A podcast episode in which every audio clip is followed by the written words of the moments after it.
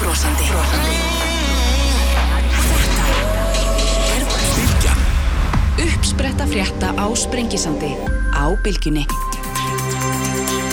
Sæli hlustundur, hlust, rúlum við hér af stað á sprengisendunum eins og leiðlikur uh, Erna Koper hér í lók þáttarfjöllum þá um skapandi hugsun, skapandi greinar áhrif þeirra á uppbyggingu atvinnum meðal annars uh, en auðvitað menningalífs og, og mannlífs einum dreifðari byggðum landsins uh, þau verða hérna Guðmundur Hrafn Argrímsson sem er uh, uh, formað leindafélsins og, og Björg Ásta Þorradóttir frá samtökum yðnaðarins fjallum þá um húsnæðismarkaðin svona mellegu leitið.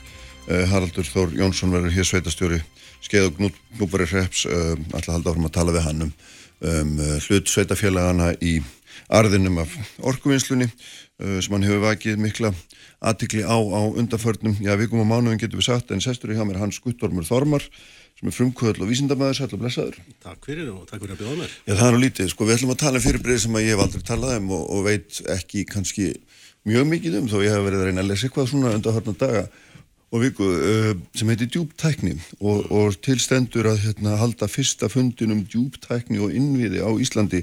Þetta hljómað aldrei svona eins og deep state. Já, já, eða, eða, eða, köf, eða köfunar fyrir. Já, akkurat, nákvæmlega. En þarna er, er hérna sagt að um þessan hennar fundi þetta sé spennandi að kynast þverfarlegri samvinnu á sviði efnistækni, efnisfræði eh, eðlisfræði, verkfræði, raunvísinda læknisfræði, líftækni og fleira og fleira. Og hérna og þetta á að vera einhvers konar líkill að okkar framtíðum, Já. er það ekki? Hva, hvað segir við? Já. Hvað er þetta fyrir, byrjum það?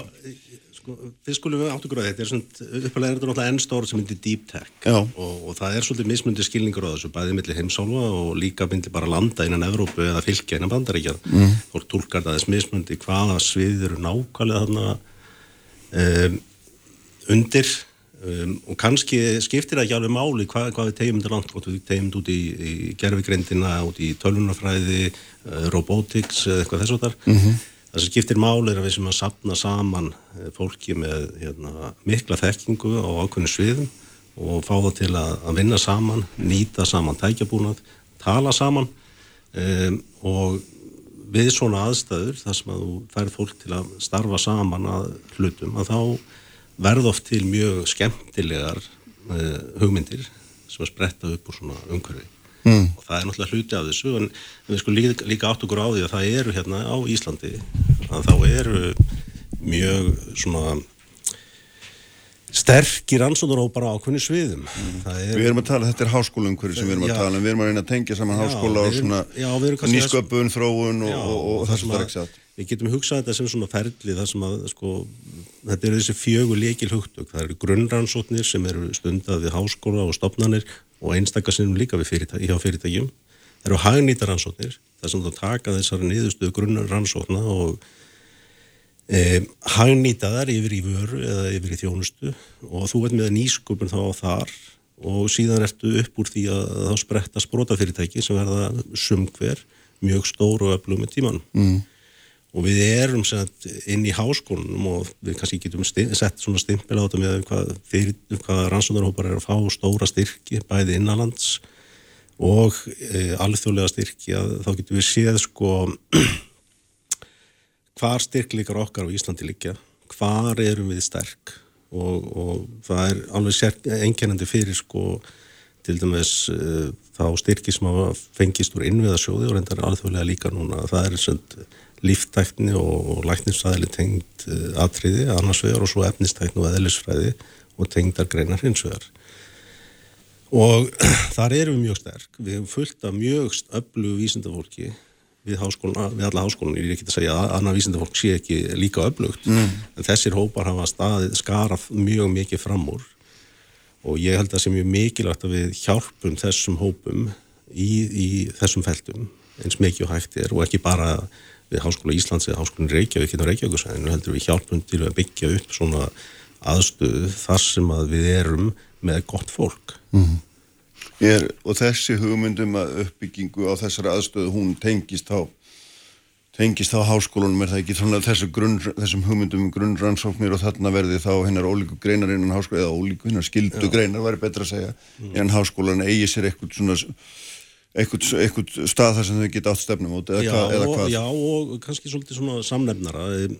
Sko, það sem hefur sett gerst uh, undarfarið er að innviðasjóður Rannís veitti styrki til að kaupa mjög dýran tækjabúna núna horfið til fimm ára og veitti einmitt þessum tveimur hópum sem ég nefndi mjög góða styrki, miljard einn og hálfan miljard og annan miljard og hálfan miljard í sitt hvort verkefni til að kaupa tæk, tækja búnaðu uppfæram og setti sér skilir í leiðinni að þessi tækjabúnaði sem er í keiftur að hann yrði að vera samnýttur. Þannig að viðkomandi rannsóðanaðilega geti ekki bara setið á honum heldur þyrtan að vera samnýttur. Og þetta er einmitt lekil atriði í þessu hérna í svona, svona samfélögum eins og við búum í. Mm -hmm. að það sé ekki verið að kaupa mörg tæki af svona af þessum tegundum þar sem við erum að tala um tæki sem kostar kannski fleiri hundru miljónir heldur getur við samnýtt tækjabúnaðinn. Og getum við samnýttan hvort sem að við erum í Háskólum Akurir eða Háskólum að Bifröst eða við Háskólu Íslands. Mm. þannig að það getur allir nýtt samantækjabúnaðinn ég held að það sé mjög mikilvægt. Og eitt af því sem við þurfum kannski að, hérna, að koma svolítið skekki á líka mm. þannig að þetta er hérna, Nýta betur fjárfstingu í tækjum heldur um gerum eða nýt, já, hvað? Er kannski svona dýra tækja á Íslandi sem að fáir eða enginn er að nota eða hvað? Já, það er kannski uh, stóra, það er, það er nokkur vandamál þarna sem við höfum verið að reyna að setja puttana á og þar á meðal sko hvaða tækjabúnaður er til hvað er hann staðsettur er hann í lægi hvað er verið að gera með hennar tækjabúnaður því það er ekki nóg að eiga tækjabúnaður heldur þarf það að hafa þekkingu til að nýta hann líka mm -hmm. og þú þarf að hafa fólk sem að sko veit hvað það er að gera og við komum til að skita haldið áfram og bjóða öðrum að nota mm -hmm. um, þannig að við sem sagt einna, um, okkur tókst að draga saman alla háskóla, ofinböru háskólan og háskólan Reykjavík að borðinu. Við viljum gærna fá hérna, háskóluna á Bifröst og listaháskólum með okkur líka í þetta, þessa vinnu á samt tæknisetri og á samt matís og horfum á allar rannsóknstofnanir í að byggja upp skráningar og aðgangsstýringakerfi fyrir svona dýra rannsóknarinnu mm -hmm. og gera það bara fyrir Ísland ekki fyrir hérna, hverja, fyrir hverja stofnu fyrir sig Ég held að þetta sé mjög, mjög mikilvægt fyrir okkur að gera þetta og þá erum við líka að horfa það að ef við horfum með svona land þá erum við ekki að tala um að taka þetta tækjabónað sem er út á land og flytja til Reykjavíkur. Við erum að tala um að byggja upp á hverjum stað ymmið það sem við erum góði. Þannig að það sem að menn eru góðir í á hólum, háskólum og hólum þar fá þeir tækjaværi til að byggja það upp þar mm -hmm. með þeim tækjabónaði og geti í leiðinu veitt öðrum sem að þurfa þeim tækjabónað að halda aðgang af því þar og þetta er mjög mikilvægt í svona samfélagum eins og við erum í hérna. Mm -hmm. Sko, þetta er allt saman hérna hljómar allt fallega. Og, og, og allt það, en þú þarfst aðeins að hjartengja við þetta, minna, hvað hvað, þú ertu búin að nefna fullt af greinu sem er að, að finna sér sama stað og, og, og hérna þannig að koma fólk með mikla þekkingu, það er svona heitir þetta djúb þekking. Fólk með djúba þekking á viðfansöfnum og hvað á svo að koma út úr þessu? Hvað, hvað eru er þið með einhverja fyrirmyndir, getur þú einhvern veginn farið svona í gegnum hvað, hverju átt að skila að þau spyr bara? Já, já. já, við getum hort á svona sendir á mörgustöðum erlendis þar sem að menn hafa byggt upp hérna, til dæmis sko annarkort tengslanett, stert tengslanett þar sem að fólk veit að það getur gengið að þekking og tækjumónaði á mismundustöðum. Það, það þarf ekki endilega að vera að byggja upp einhvern tækjumónað bara einu stað. En það sem við viljum líka sjá er að þegar það kom að spretta upp hugmyndir í djúptæðni sem að til og með spretta upp í gegnum grunnrannsóknir eða hagnýtaransóknir að þá sé tækifæri fyrir viðkomandi aðila að þroska og þróa hugmyndir hérna heima á Íslandi. Það sé hérna aðstafa og þekking til þess að þróana áfrifindi á Íslandi þannig að fyrirtækin þurfu ekki að leita erlendis eftir þessari aðstuð og þetta hefur verið fyrir djúptækni með einn af akkilisarhælunum í að sprota fyrirtæki vaksjóðdafni e, og kannski vaksjóðdafnin óhratt við vegum nokkur dæmin og þegar um fyrirtæki sem er að vaksjóðdafna mm. og eru grí, gríðalega verðmætt í dag. Þannig að hérna með því að, að gera þetta svona og reyna að byggja upp svona þekkingargrunn þá erum við að tryggja líka framtíðar hagust í landinu Er þetta að segja með öðrum orðum að af því að þessi, þessir innviðir er ekki nægilega vel skiplaðir og þeir eru ekki nóg vel kortlaðir og, hérna, og, og einhverju leiti ekki til að þá fari góðar hugmyndir það er hérna, það leki út úr landinu og, og séu þróaðar í svipuðum setrum þá einhverstaðar annar staðar. Já, við hérna, þekkjum nokkuð dæmund og við þekkjum líka uh, nú þegar uh, ágóðan hlut af, af dæmum það að, að fyrirtæki sem að er með svona sprota fyrirtæki sem er með góðar hugmyndir mm. þau er að fá símtöl frá svona uh, þekkingar kjörnum erlendis þar sem að það er bóstala verið að veiða þau inn í það samfélag með þá framtíðarvöxt í framtíðarvöxt og hagvöxt og líka og, og, og þekkingu í huga mm. því að það er alveg ljóst að þekking verður í framtíðinni verðmætasta auðlind pest samfélags. Það er engin spurning á því. Mm -hmm. En hvað, nefndi mér eitthvað svona, svo ég skilji þetta, hérna, eitthvað, eitthvað dæmi um fyrirtæki sem að hefur sprottið upp úr svona djúptækni samstarfi margra óleikra greina Já, við getum sko, við getum hort eða verkefni sem já, eða hvað sem ég við getum, við getum hort á, á, á nokkur fyrirtæki sem að sko hafa verið að leita sér aðstöðu. Eh, fyrirtæki hérna, eh, sem heitir Epiendo mm. sem hefur langar, langar hýð verið að leita sér að, að aðstöðu hér á Íslandi.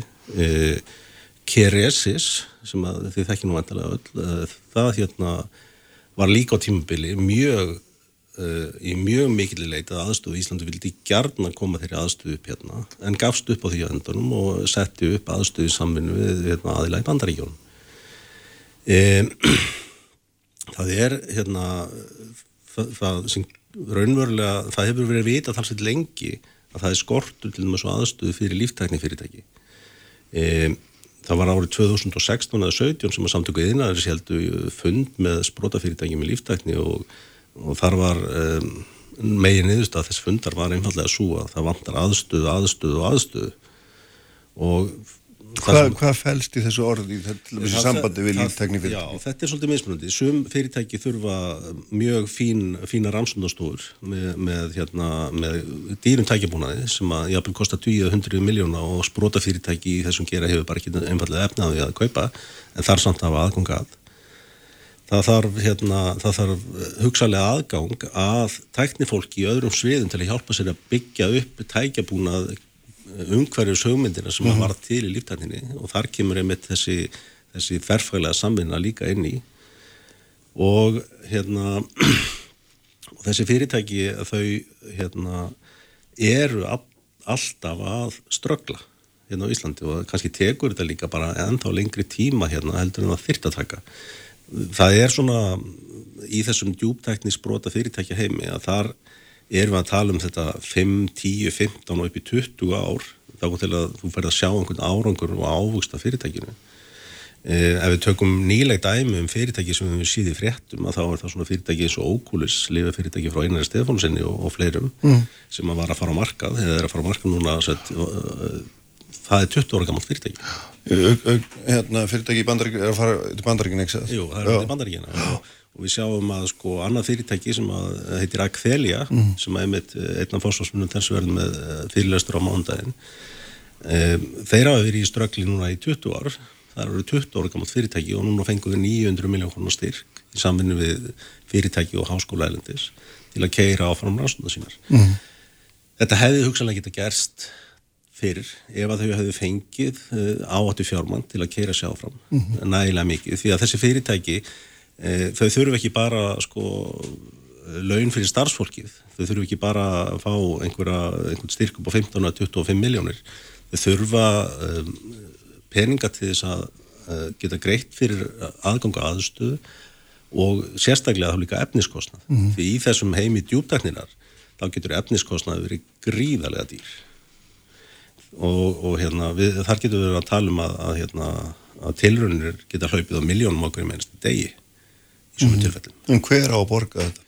Já, það sem að hefur, það sem að mennilega hefur gerst er að, er að hérna, þú byrjar á því og í þessu löndu sem ég þekki til í að þú sækjur um styrki og þú farið eitthvað að styrkjum og samhliða þessu styrkjum að þá koma áttu fjárfestar með þólimátt fjármagn því að þarna þarf verulega mikið af þólimóði fjármagn og þannig erum við að tala um að það er ekki nóg að fara að selja einhverju vöru eftir 5 eða 7 árið eitthvað sluðis, stundum þarf þetta ennþá lengri tíma. Og stundum eru fyrirtekin svolítið að mm. vafra fram og tilbaka hvernig get ég nýtt þessa lausn á meðsmundi hlutum Já. því þess að gera hennar nógu verðmæta. En, en e, þólum að fjármært til svona langs tíma hefur verið mjög skortnum skamti á Íslandi. E, það er vonandi að breytast núna með tilkomin nýra sjóða sem er að koma. En, en við þurfum að sjá svona framfyrir þetta. Þetta eru exit svona fyrirtækja geta verið mjög verðmætt Það er þetta að meina þegar fjárfæstinir exita þegar fjárfæstinir uh, selja sér út úr því þegar það var klárið eða þjónustunni eða hvað það er. Já, já. þá getur það orðið mjög verðmætt og það getur verið að tala um sko 7-30 hald afústunum jáfnvel meira í svömmum tilfellum. En, en þetta þýðir líka sko uh, mikla áhættu og, og hérna og þólinnmæði ég heyri það það, það er, er ansið langu tími að býði 20 ára eftir því að fjárfæsting raungerist er það ekki? Jú, jú, og þú sér líka þess að þrautsi í þessum mönnum sem að hafa verið með sömu hugmyndin og reynda að keira henni gegn í 20 ár. Það þarf ansið mikla þrautsi til, til að vera að allan þennan tíma með sömu hugmyndin. Mm. og þú þarf að hafa virkilega mikla trú á því að það sem þú veist að gera sé rétt. Sko við erum, við erum hérna, búin að tala um þetta þekkingar samfélag aldrei lengi. mm og hérna og og tæknisamfélag sem hefur auðvitað verið við um einhver, einhver svona miðri tæknibildingu frekar en einhverju breytingu, það held ég sé nú öllum, öllum ljóst og það er á öllum sviðum. Og hérna eh, sko e, er menn í öðrum löndum sem að við erum að skoða þá alltaf einhverju samanbyrði með, með miklu út af svona setrum til þess að vinna úr þessari ólíku þekking og steipunni saman í, eða hvernig, hvað sækir þið fyrirmyndir eða hvað? Já, við horfum svolítið til fyrirmynda, við, hérna, það eru náttúrulega sko fullt af, af við erum náttúrulega, í fyrsta leið verðum við horfum að það, við erum náttúrulega tildurlega fámenn þjóð. Jú, jú. Við erum kannski svona, ef við horfum til Þískanlandstilmes eða, eða þessara landi í Európa, þá erum við kannski á svömmu starfið svo bonn. Það er jafnmargir íbúar cirka á, á báðum stöðum. Mm.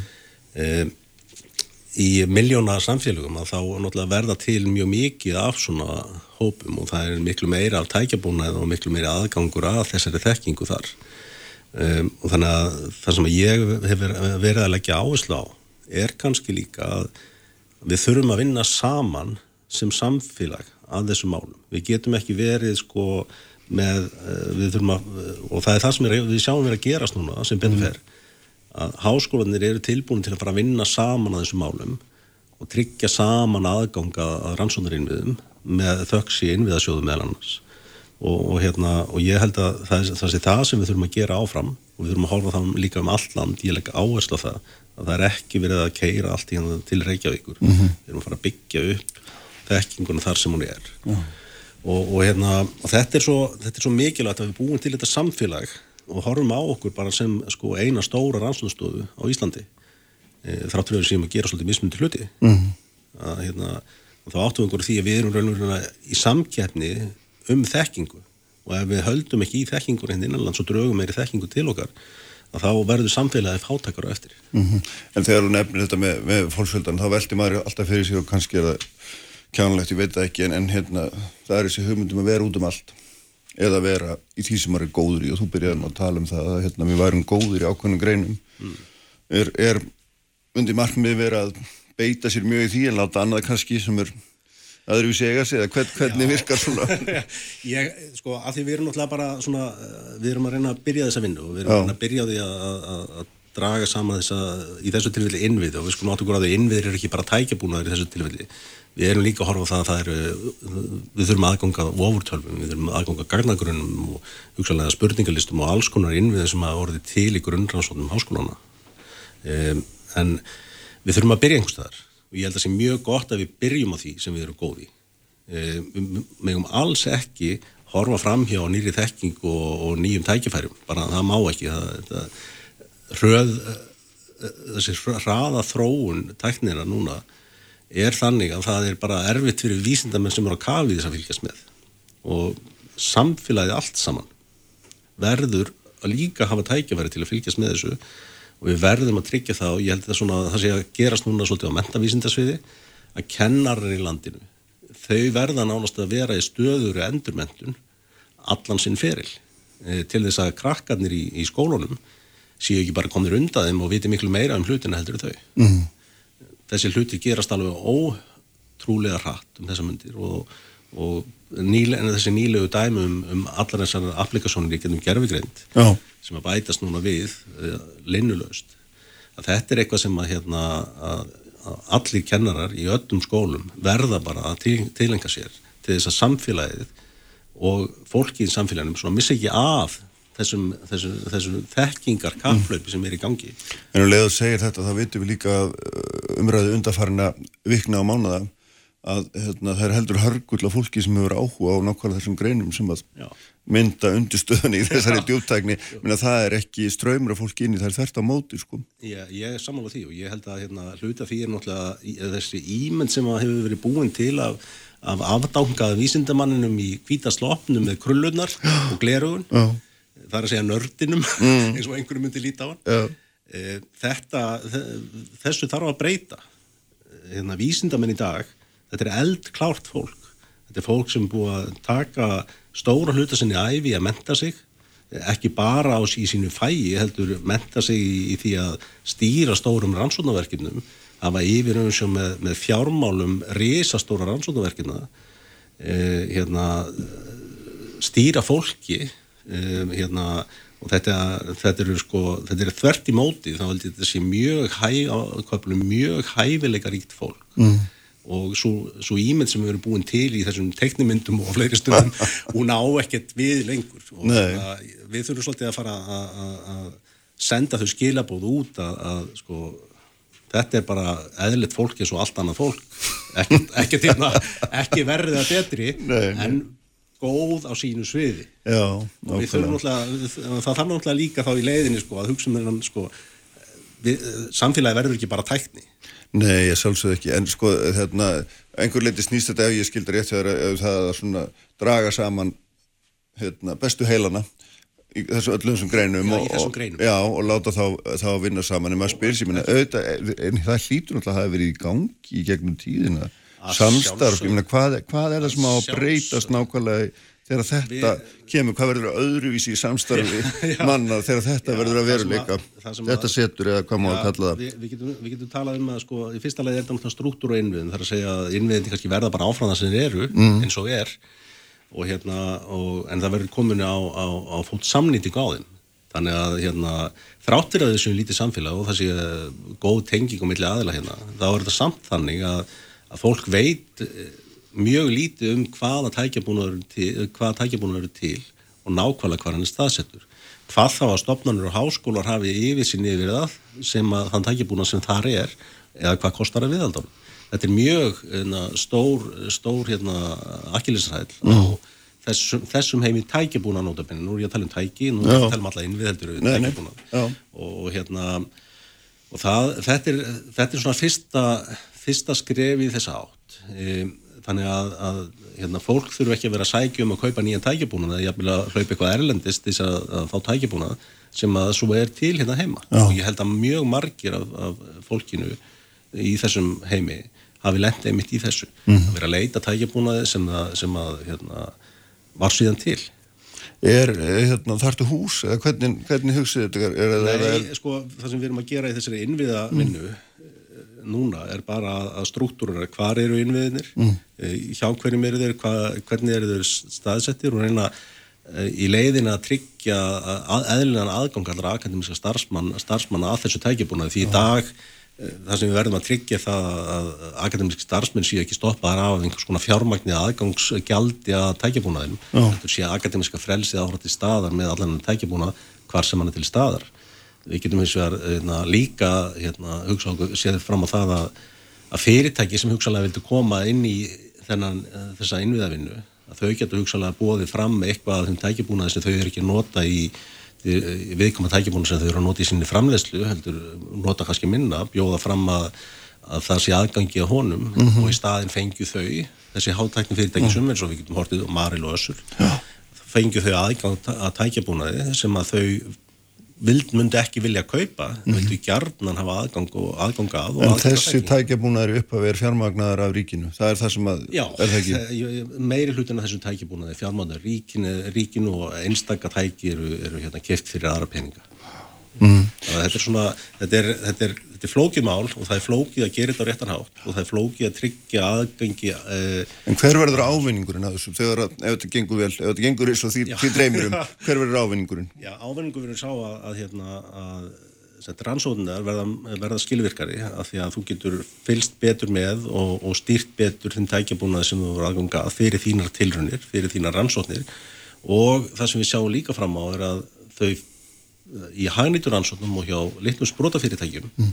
að þá gera þau sér líka grein fyrir hvar aðstæðan og tækjabúnaðin er til staðar e, og, og hvað þau geta raunverulega verið að gera hérna heima e, og hvað það kostar mm. sem er ekki síður mikilvægt því að þegar þessi fyrirtæki í, fara og ég kannski sé það líka í, í svona, sem ákveði framfara skref er að þegar að þú getur virkilega að fara að setja puttan á það hvað raunverulega kostar að hafa aðgang á svona tækjabúnaði og hvað raunverulega kostar að, að, að reka svona rannsóknir að þá getur við hugsalega að fara að steyðja þessi fyrirtæki djúptækni betur og á skilvirkari hátt með tillitið þess hvað þau eru að gera og hvað þau eru að þroska mm. það er mjög mikilvægt um, í svona að því að spyrjum aðstöðu og húsnaðið og þess að þar að þá hafa vísindakarn Háskóla Íslands eh, verið að skoða hann núna í tvö ára að, að byggja það sem við kallum djúptækni kjarnar í Vasmírinni eh, svo vinna hún er enþá í físileika könnun og það er enþá verið að skoða hvort að það eh, væri hvað, hvaða benefit það er og hvernig mm. myndu vera þar inni en, en þar er einmitt verið að hugsa um það að, að samtfinna grunnræðsónir háskóluna, ekki bara háskóla Íslands, heldur grunnræðsónir háskóluna, þannig að þú getur dreyið fólk frá mismundi háskólun saman á, á eitt stað. Hagnýtaransónir, háskólufyrirtækja, sprótafyrirtæki sem að þurfa þessa aðstöðu og vilja gætna verið þessum suðubotti og þá líka starri fyrirtæki í djúptækni en það eru talsvert af fyrirtækjum í djúptækni sem er að leita sér á húsnaði og aðstöðu mm. í þessum töluðu orðum oh.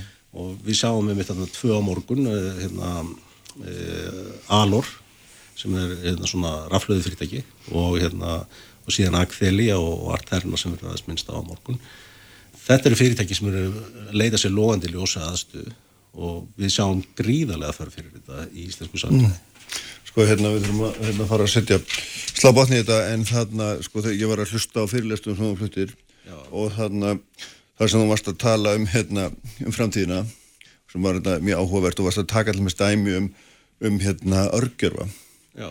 hvað þeir hérna, kostnæðar við þá hefði mingað ótrúlega og, og, og hratt og svo líka fannst mér áhugavert að því að við höfum verið mikið að tala um það í Íslandi ræðgreiningar og DNA og, og það allt saman og það hefði sko fyrsta hérna, hefði kostað ekki 500 miljónir dollara 2005 já, já. en í dag kostaði það 1000 dollara og þetta var tóstu sem dæmið það hvernig tæknin sko hvernig hún er á spólandi hraðferði með okkur út í eitthvað sem við vitum ekki alveg. Og hérna og fast líka að tala um sko svona hluti eins og samruna orku og, og, og genalækningar. Og ég meina þetta er, er, þetta er allt eitthvað sem að liggur undir í þessum djúptekni bransa og svo má segja. Já, það má segja þá og, og kannski eitt síðan glemt að minnast mm. á hérna áðanvarandi sko þessa þekkingu. Mm. að þekkingin er ekki bara í heilanum á okkur. Það er fullt af gríðalega góðu eh, fólki sem er gott í höndum á núti, við getum nefnt rennismiði menn sem að hafa gríðarlega þekking á málvinnslu þó þessi ekki endilega sko háskólamentaðir eh, en, en eru mjög verðmættir í þessu þekkingasæfilagi mm. sem dæmi sko og hérna og þetta er svona þetta er hérna, þetta, þetta, þetta samtfinnast mjög víða. Viltu aðeins að spyrja mig aftur þessara spurningar af því ég fór aðeins út og víða völl hann Já, já, nei, nei, ég var bara, ég var bara að, þú varst að nefna þetta hluti svo samruna orku og, og já, hérna og genalækningar og svona. Já, genalækningar og rafluða framtíðinu hvernig það eru húðar til þess að auka líftímaður og, og ég minna þú einhvern veginn saði frá svo þannig að þetta er Þetta er ásum mikillir hraðferð að menni eiginlega bara vísindamenni sjálfin áginn sem fylgjast nei, með allir nýjungunum sem að... Þetta, þetta er, fyrir mér er þetta bara æðislegur heimur. Mm. og þetta er ósalega, það er ósalega gaman að, að fá að, að, þessi forréttindi að fá að fylgjast með þessu öllu saman mm. og, og svona skilja eitthvað af því. E, og hérna, og þetta er sko, ég held að við verðum, heimur verður mjög teknindrifin í framtíðinni. Og hann verður mjög þekkingardrifin. Og ég held að það sé alveg rétt sko Mendur við töpum okkur ekki þessum?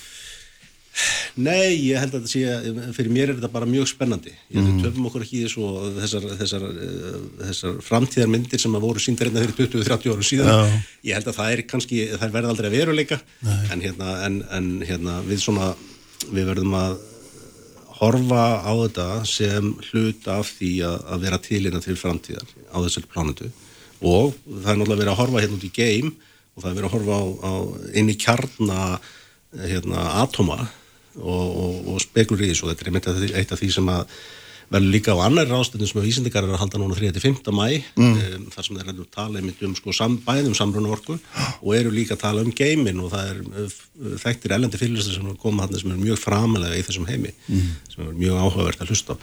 Þetta er, þetta er heimur sem að hérna ég held að við höfum öll svolítið svona áhuga á, ekkit endilega sko að skilja tæknir eitthvað þessu, það kannski fylgjast með, það þurfu ekki allir að vera tæknimentaðir eðlisfæðingar, eh, við erum bara fólk, alveg sama, alveg sama hvort við erum að hérna, nota þetta annað, hérna, en, en við, þetta er hluti af þessu samfélagi sem við sjáum, sjáum til framtíðar. Já, nákvæmlega, það verður hérna forund að fylgjast með þessu svo ekki sem væri að sagt hérna og gaman að vita hvað hérna á endanum hvað rætist að þessum stóru hugmyndum eins og alltaf. Já, það mm. er Áslögu Arnars og ráðundi hennar styrti þetta verkefni, innviðaverkefni og sett stiði við bakið af því um, uh, þannig að þetta verkefni eru 70 miljónar verkefni mm. um að um að struktúrera, skrá og aðgóngstýra innviðum á Íslandi.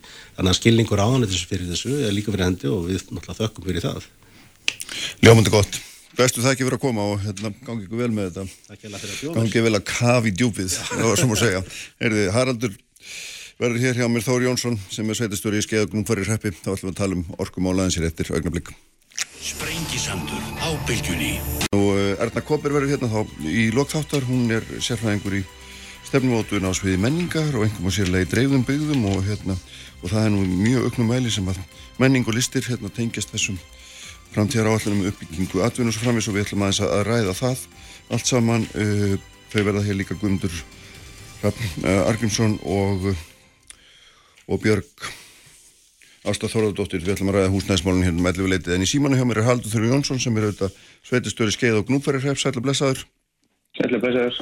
Herri, þú varst hérna hjá mér fyrir ekki svo löngu síðan og þá vorum við að ræða um það hversu þér og, og, og svona þínum kollegum finnst því sveitafélagum bera skarðan hlut frá borði þegar að kemur arði af, af orkuframleyslu á Íslandi og ykkur finnst hérna því að fá þarna miklu meira og, og þetta var nú tilefni heilmikillar heilmikillar umræðu allt saman þar sem að hérna síndist nú sitt hverjum. En þú ert aldrei brættur, núna er það ekki, þú ert búin að fara að hitta mann og annan finnst svona að þinn málflutningur að það ekki hafi fengið byrjundi báða vangi Jú, ég held að það með ég að segja það að hérna, þegar ég fór að staða fyrir nokkru mánuðum og það var svona ekki mikill áhug þegar það var hlusta á það sem það var að tala um.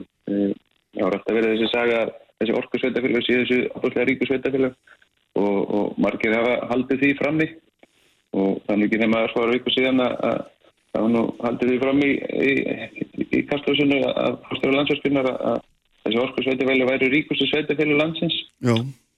E, það er nú áhugavert að taka þá tálfræði og taka kannski þessi þrjú stærstu orku sveitafélag.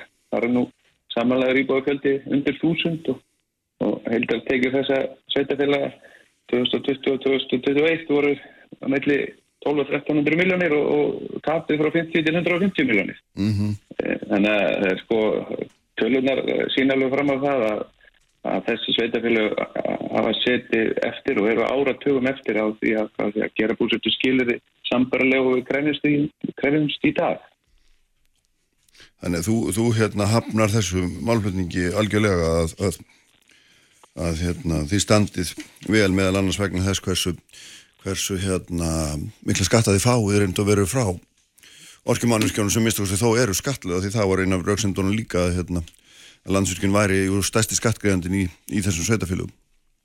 Já, já, það, það hefur haldið upp en þú fær náttúrulega ekki að borga mikið penning þegar að sveitafélagin eru líkil og íbúin eru fáður. Mm -hmm. Þá kannski verður þessi hlutfjöld svolítið brenglu en, en búsetaði skilirinn og innviðinni þeir hafa eitthvað til og, og ekki hefur eitthvað fjölkað og, og við þekkjum öll umræðan um veikar byggður út á landi og þetta er svona kjarnin í því.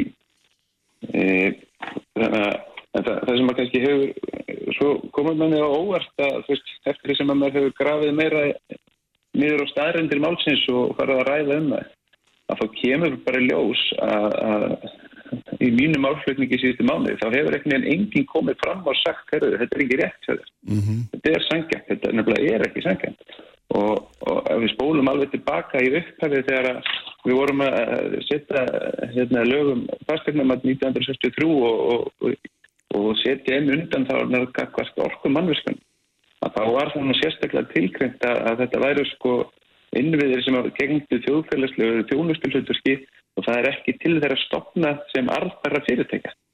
Og, og, og þegar lögin voru endur sko 2001 að þá setur fara inni þessi gamla málskapin það er svo 2003 sem er lögunum er breytt og það er tekin í á rávorkumarkaði og það er verið að aðskilja rávorkumarkaðan og skapa samkjöndisforsendur þeim tímapunkti þá var lögunum breytt þannig að sko, við fórum úr því að vera með orkuvinnslu sem átti ekki skila neinum arði yfir það að þetta er orðin e, atvinnugrein sannlega reygin með hérna, það að markmiði að skila arði og skila hagnaði en það sjáum við það að það búið að ná þeim aðrangi og við sjáum það líka það búið að afnema allar undan þá er gagvart ríkisaldinu mm -hmm. í upphæfi, upphæfi voru, voru, voru orkufyrirtekin undan þeim öllum gjöldum, öllum sköttum borguð ekkert.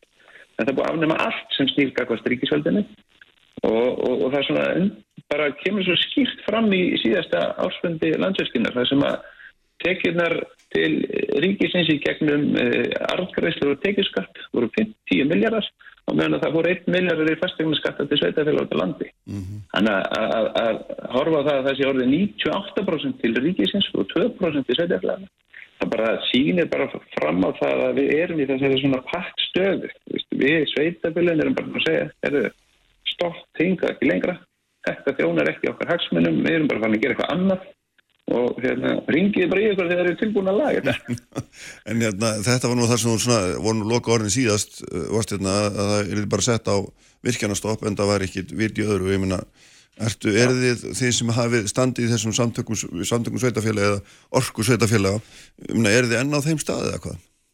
Já, við getum sagt sko það sem búið að gera svo að ég var hérna síðast mm. er að, er að hérna, samtök orku sveitafélag að setja á búið starfsnefnd sem að ég hef leitt.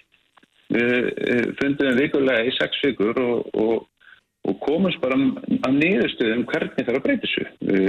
Það er niðurstöður voru settar að laga styrir núna og auka aðalfundi samtæk orðsveitarfélag á fyrstum dægin og, og samþýttar eh, samtljóma og, og þar eru við svona raunverulega búin að skilgreina hvað er raunverulega þetta mestsengilega orkuvinnslu er.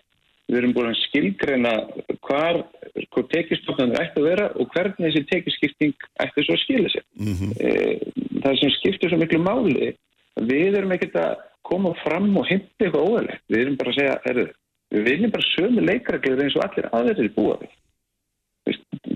Og það er svo erfitt að tala á mótið í af hverju ætti einn atvinnugrein sem er orðin algjörlega uh, hvað sé, kerða áfram á fórsendum samkeppni sjónum mm. af hverju að hún að vera undan þeim göldum sem snýr af starfsvæðunum þar sem að verðmöðin vera til? Þetta bara passar ekki saman lengur. Og, og í, í, í þessu samtali sko síðustu vik, vikur það eru sko Fjölmörg sveitafélag búin að taka fyrir í sínu sveitafélagum að staldra við skipla smálum orkumann á þeim formerkjum að þetta þjón ekki hagsmunum okkar. Mm -hmm. e, við erum búin að fara með máli inn fyrir stjórn samband íslenska sveitafélag og kynna þá vinnu sem við farið í og hvernig það lítur út og, og þegar við horfum á hvað þetta nærsamfélag orkuvinnslu er þá er það eiginlega þannig að það eru námstöld sveitafélag á Íslandi sem eru með einhvers konar nærsamfélag gagnvart orkuvinnslu.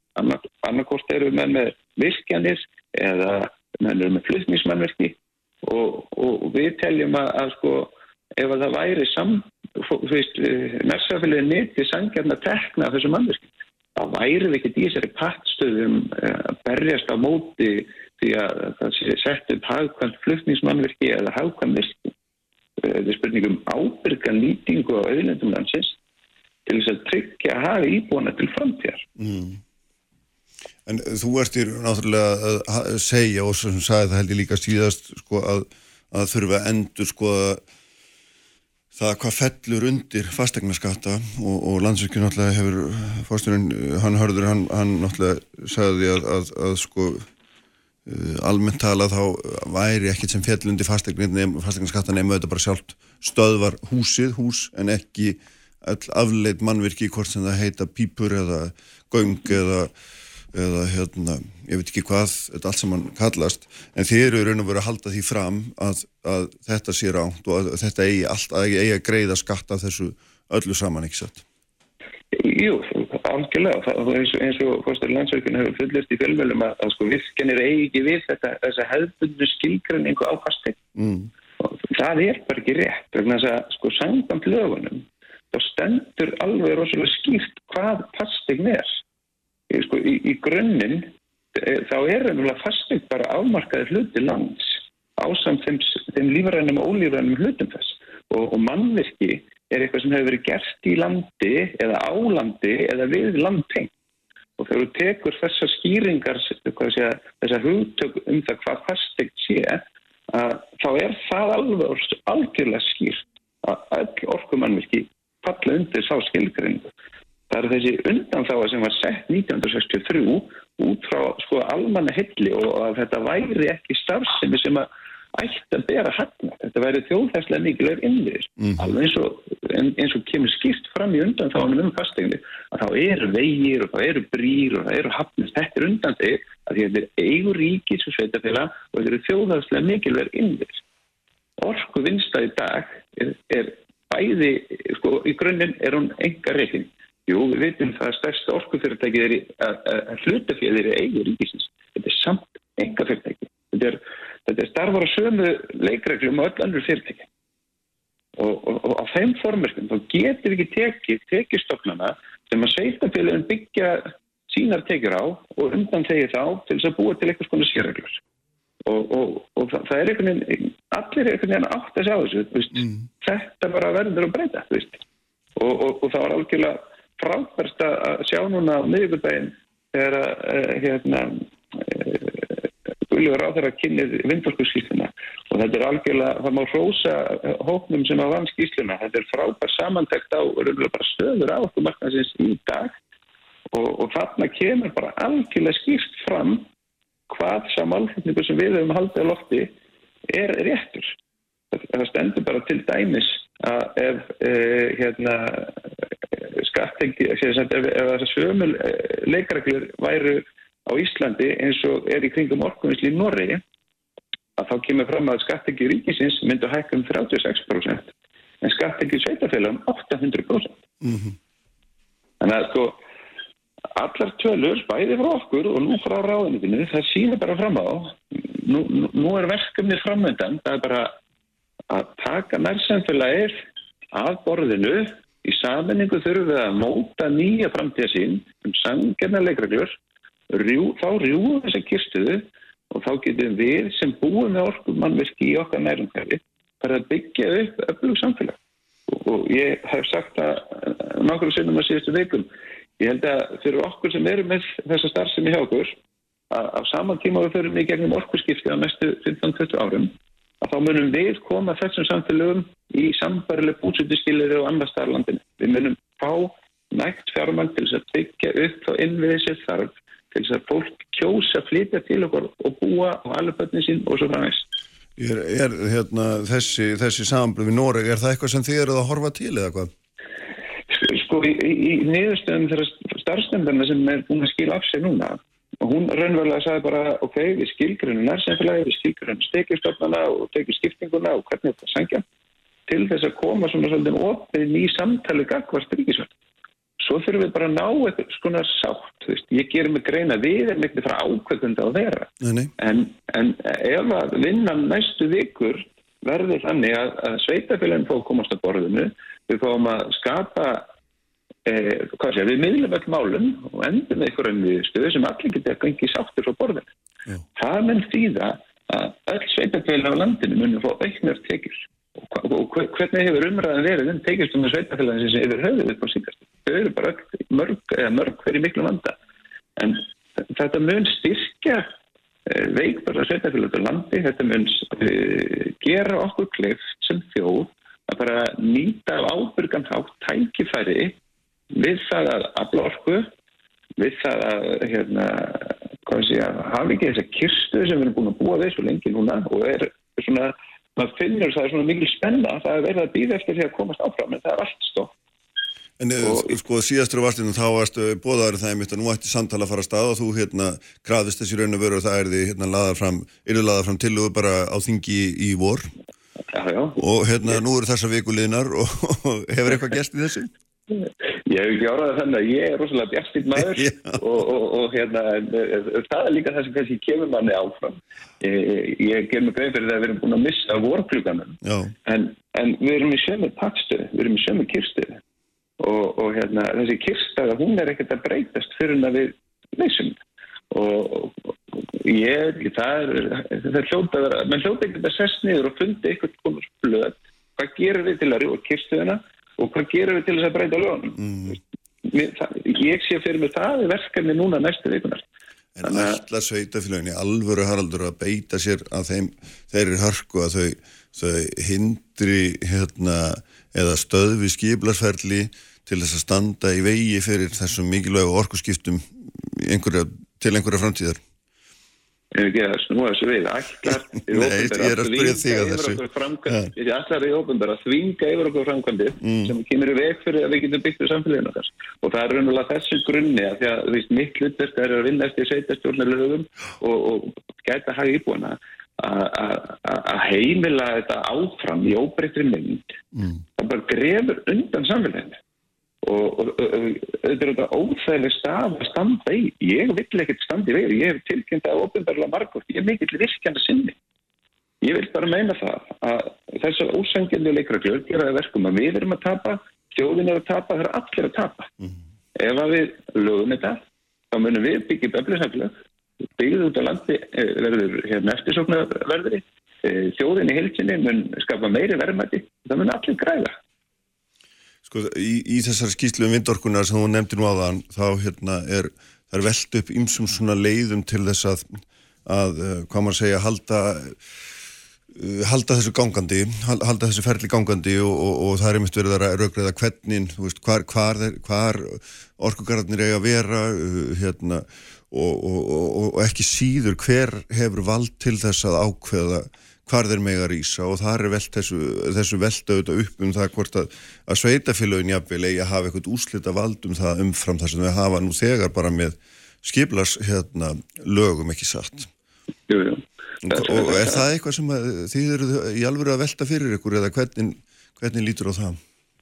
Ég held að það sé aldrei gott að hafa lögin þannig að það sé bara einhvern veginn einhverjir e, langt í burstu sem ákveða eitthvað hvernig eitthvað að vera næri einhverjir eitthvað annars e, en, en, sko, en svo þarf einhverja heildar sín líka sko. e, Já, ég held að þessi heildar sín sko, við vitum alveg og það er ótrúlega áhagast við hérna, setjum upp kost af orkukerfinu hvað sé, við getum sagt að ramma allan Íslandi það sé flutnísnetinu og öllum virkjana kostum við 10 megawatt. Og þegar maður horfir á þetta kost svona myndvænt þá sér maður að, að það er ekkert virkjana á mörgum stöðum Íslandi, stóra virkjanis og við hljóttum að horfa til þess að lámarka umhverfsáhrif og þá hljóttum við að vilja byggja upp vindorkuframlegsli nálegt núverandi kerfi, ekki vera sé, stælka kerfið. E, hérna, fórstöru landsveikinu hefur sagt e, við mig að, hérna, að það svona kannski var æskilegt e, að hafa fá að karða nálegt þessum e, hvað sé, líkil svæðum? Ég ég er alveg saman því. Kannski verður það ákveðið sleitt að byrja.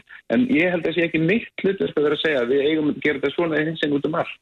En e, við, við standum fram með fyrir því eins og með úrfæðslund sem er nú búið að setja nýtingaflokku í ramallun jú, hann er settur þar út af því að allir e, orku innveginir eru til staðar.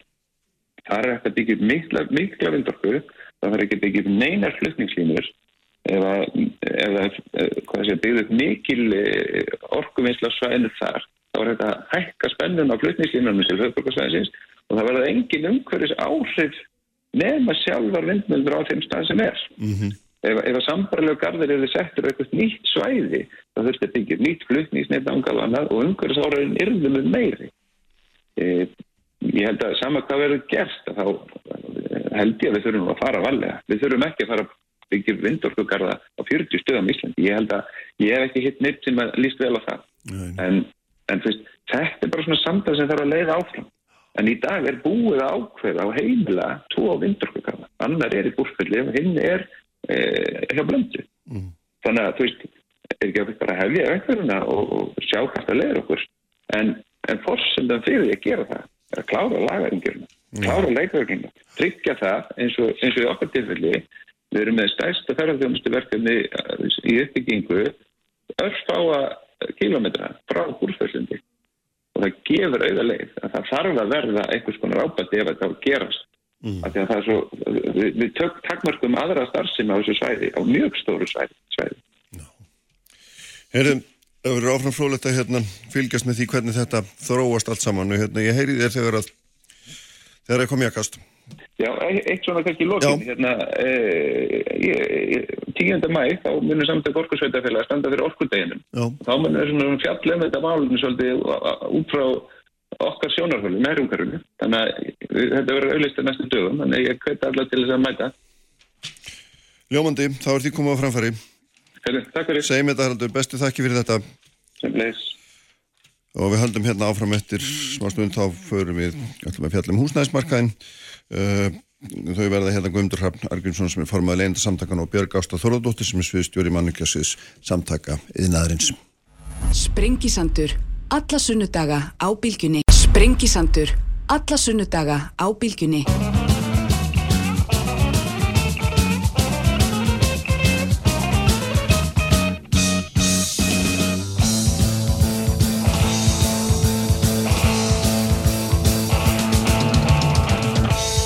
Sælir aftur, hlustendur, um, Haldur Þár Jónsson, sveitastjóri, skeiða og gnúmfærarheppi farin frá mér eftir, eftir hér við talum um orkuöflun og, og hlutdelt sveitafélagana í, í arðinum af orkunni, orkusölunni. Ég vil sko segja, uh, Erna Kóper verður hér í lókt þáttar sérfræðingur í stefnumótun sviði menningamála. Við ætlum að fjalla aðeins um aðdunu uppbyggingu innum dreðari byggðum uh, með tækjum hérna skapandi hugsunar, skapandi greina mikla rannsók sem hún er að leggjast í á samt uh, á samt um, sem eru hérna mörgum öðrum uh, víða um, um Evrópu. En uh, ég ætla að fjalla núna um fastegnamarkaðin, húsnæðismarkaðin, leyendamarkaðin hvaða nafni sem er á að gefa þetta Guðmundur Hrafn Argrísson sem er formaði leyendsamtakana og Björg Ásta Þorðardóttir sem er sviðstjóri mannarkasíðs samtaka innanins eru hérna hjá mér, sælu blessi bæðið tvö. Sæl. Um, Húsnæðismarkaðin er náttúrulega eðlega mikilvægast í markaðin í landinu. Það er held ég mér síðan óvægt að fullera þá verður við umdeilt og mikilvægt hvernig við höfum honum. Og hérna var ekki fastegnarsala hérna fyrir langa löngu sem auðlist alltaf allir þegar það gefur höfuð og hérna það er líka óumdeilt. Og hérna og svo er bara spurning hvernig við gerum þetta. Og þú hefur verið mjög gaggríningum drefi byrjum að þér á það hvernig við höfum þessum. Hvernig við höfum okkur á þessum markað og hvernig við höfum hvernig við höfum svona skipilatan Já, þetta hefur, hefur ástandi hefur farið mjög vestnandi síðast, uh, síðast en áratögu er svona, þetta er þróun sem að er að byrja bara strax eftir hunnið og það sem er kannski alvarlega stíðis og varða leyendur er að það er lélegt og lítið regluverk varðandi hvernig uh, legusalar uh, og haga sér á legumarkaði og þetta hefur komið niður á leyendum og, og svona kannski Uh, hvernig stjórnvöld hafa stimplað sér algjörlega út gagvað því að uh, skipulegja eða koma regluverki á legumarkaðin sem hefur orðið til þess að húsalega hefur hækkað markvalt á við aðrar hagstæðir í landinu og komið mikið neyru legendum og á sama tíma sem er kannski undarlegt í þessu að meðan að húsalega hefur hækkað svona mikið uh, og, og það hefur verið alls konar svona frumkvæði hjá stjórnvöldum bæði með endugreislu og virðsökarskatti, einföldun og byggingareglugjörð, skattaafslutnundur, leigusala, frjálsálögning á fastengamarkaði, að þá hefur þetta ekki skila sér í nægu frambáði mm -hmm. þó að það sé alveg fyrir séð og þetta er svona kannski einhver bróðast að jafna sem til er að þegar að uh, fólk er að fjölga og það vantar húsnæði og það var fyrir séð að, að uh, árið 2018 er talað um að séum 8.000 uh, ófyllt í, íbúð þörf og frá því á árunum svona 2009, 2015, 16 er eiginlega ekkit byggt hérna. Þannig að þetta er alveg fyrir séð og að uh, það er því gríðalur húsnæðiskortur uh, og stjórnvöld reyndu þetta að svona koma með þessa kvart inn á fastegnumarkaðin eða inn á húsbyggingamarkaðin. Það hefur ekki skila þeim árangri uh, þrátt fyrir að þetta sé í rauninni sko, já, við líka við að segja náttúrulega fullkvæmlega markasæðstæðu fyrir uh, byggingaðilega til að koma inn mm -hmm.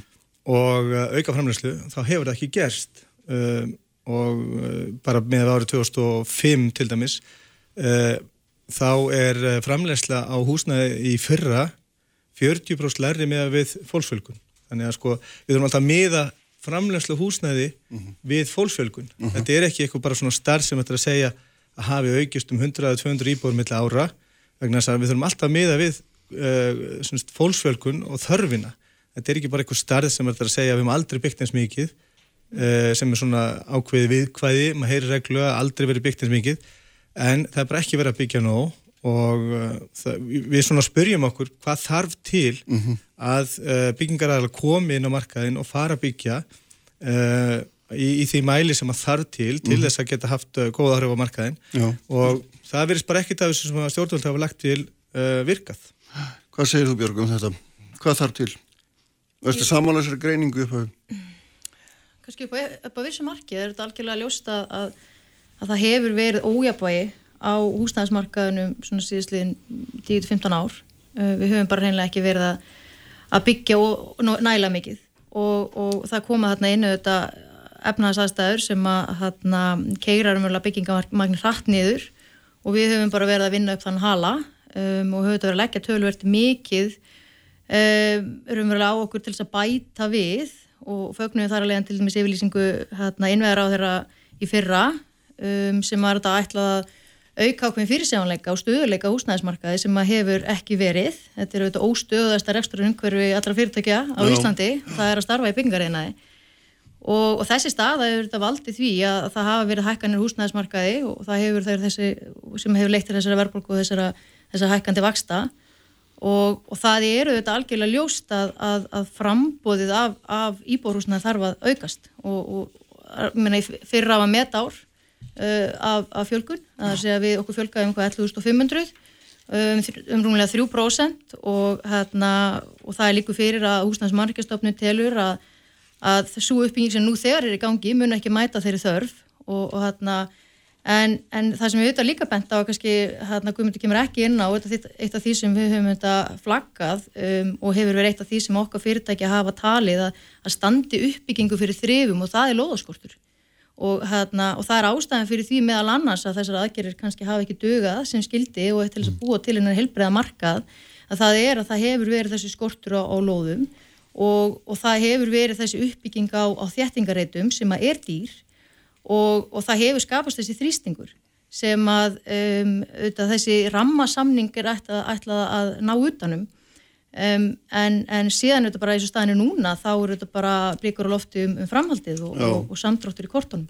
Já, það er náttúrulega hérna, stofum við slúma aðeins koma inn á það eftir það er náttúrulega mm merkilegt en, en ég meina, í grunninn snýst þetta auðvitað um það hvort við eigum að stýra húsnæðismarkaðanum einhvern veginn ofanfrá og, og meta þessa mannfælda tölur og byggja í samræmi við það eða hvort við látum hann svolítið ganga fyrir sjálfum sér og þeir sem er á honum, þeir hérna meti sjálfur hvað þeir geta gert okkur en tíma og hérna og láti það hafa forgang. Ég meina þú ert greinlega gumdur þeirra skoðunar að það vandi miklu meiri regluverk og miklu meiri stýringu, er það ekki á þetta? Jó, við getum ekki sko látið svona grunn allar velferðar uh, ráðast af ykkur ekstra umhverfi uh, fyrirtæki og hvernig eigandu þeirra að meta það. Það bara, það bara gengur ekki. Að því að öll önnu velferði í landinu, hún byggir á því að hér sé heilbæri húsnæðismarkaðar. Þannig að að, eh, að láta það í hendur eh, byggingaræðilega sem að meta uh, ástandi er ekstra umhverfið, er ekstra ástandi svo og svo að allt annað er ráðast að því, það bara gengur ekki upp og það hefur skilað okkur akkurat þessum aðstæðum mm. að það er, bæðis ríki og sveitafélögu eru algjörlega passíf hann inni auðvitað eittu sveitafélögu, það ber skilda til þess að tryggja frambáð húsnæði, þau get ekki bara hengt upp eitthvað deiliskypulunir í borgatúni og, og látið þar við sitja uh, og jafnvel uh, valla það.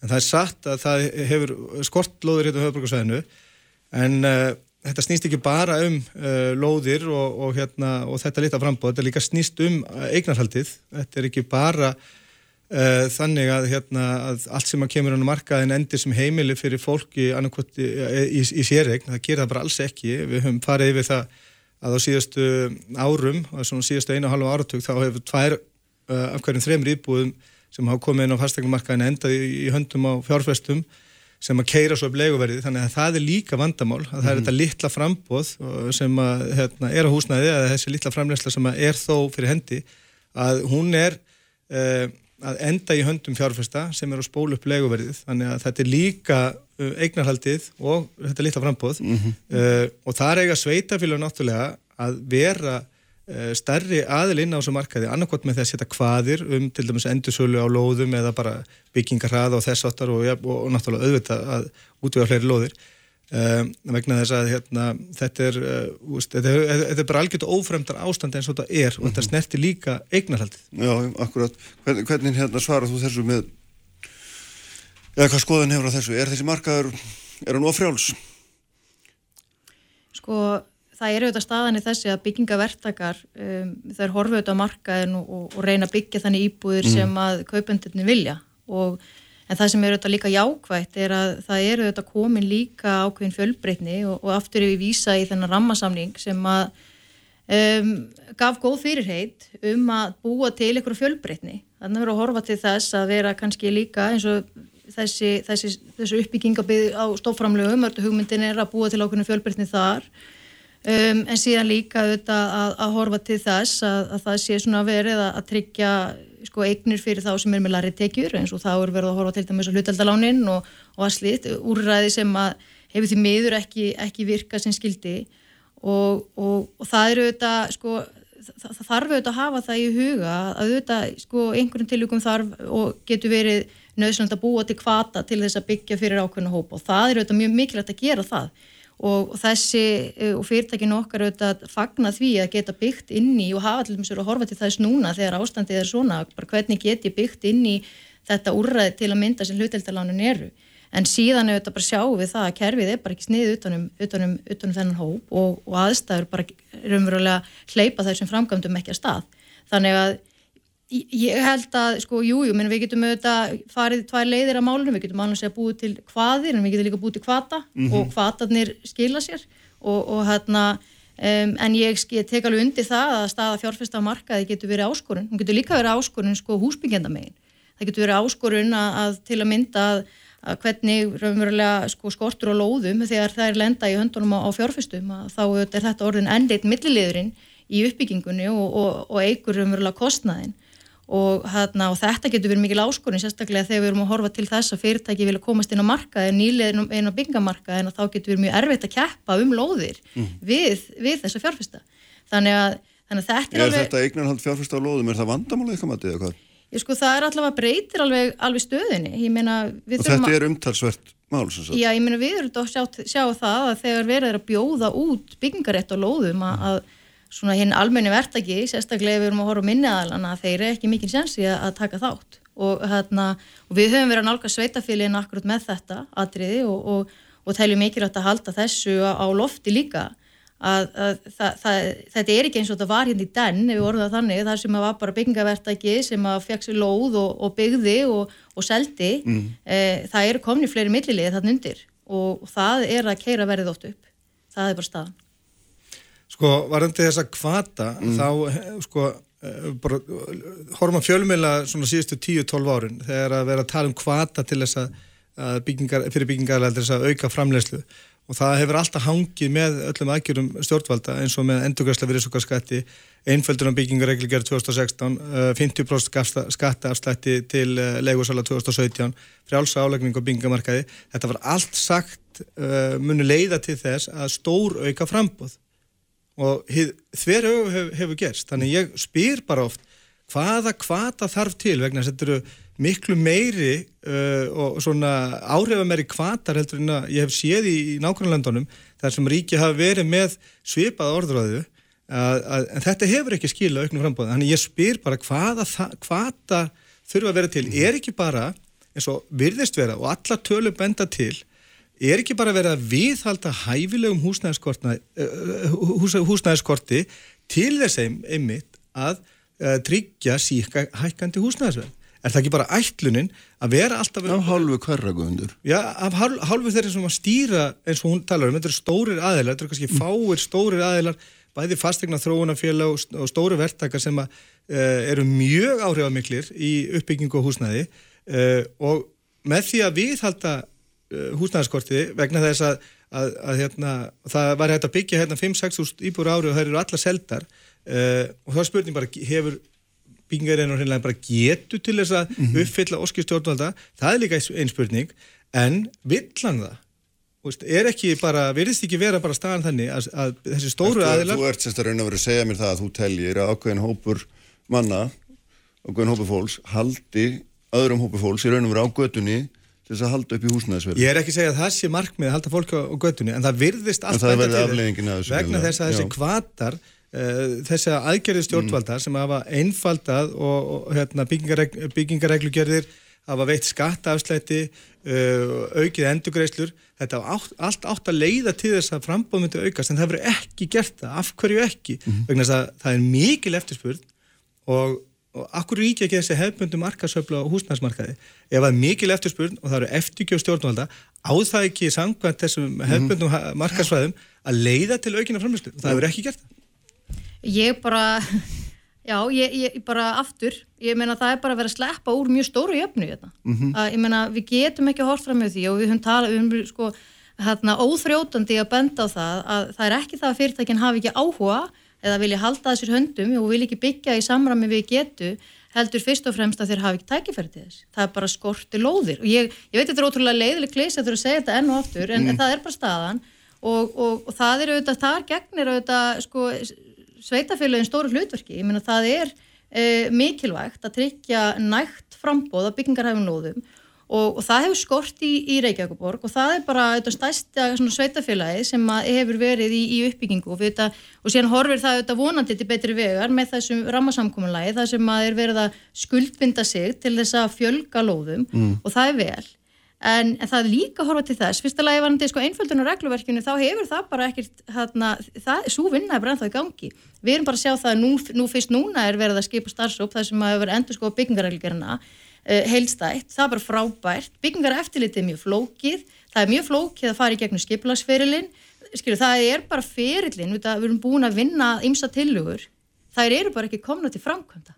Og hérna, en það er mjög mikilvægt að halda þetta til að haga að er eigu þetta að leiða af sér aukna skilvirkni og, og lækkaðan kostna og það mm -hmm. er mhm. auðvitað markmiði hjá öllum og hérna En á meðan þetta tefst og tefst og tefst og hækkar verði bara Já, en sko, maður kannski líka að sko í þetta við verðum að hafa það í hug og fyrirtæki sem að starfa hjá mér eru fyrirtæki sem er að tækja velar, eru með starfsfólk í vinnu og, og þurfa að hafa verkefni fyrir, fyrir bæði, bæði tækinu og, og fólki sitt.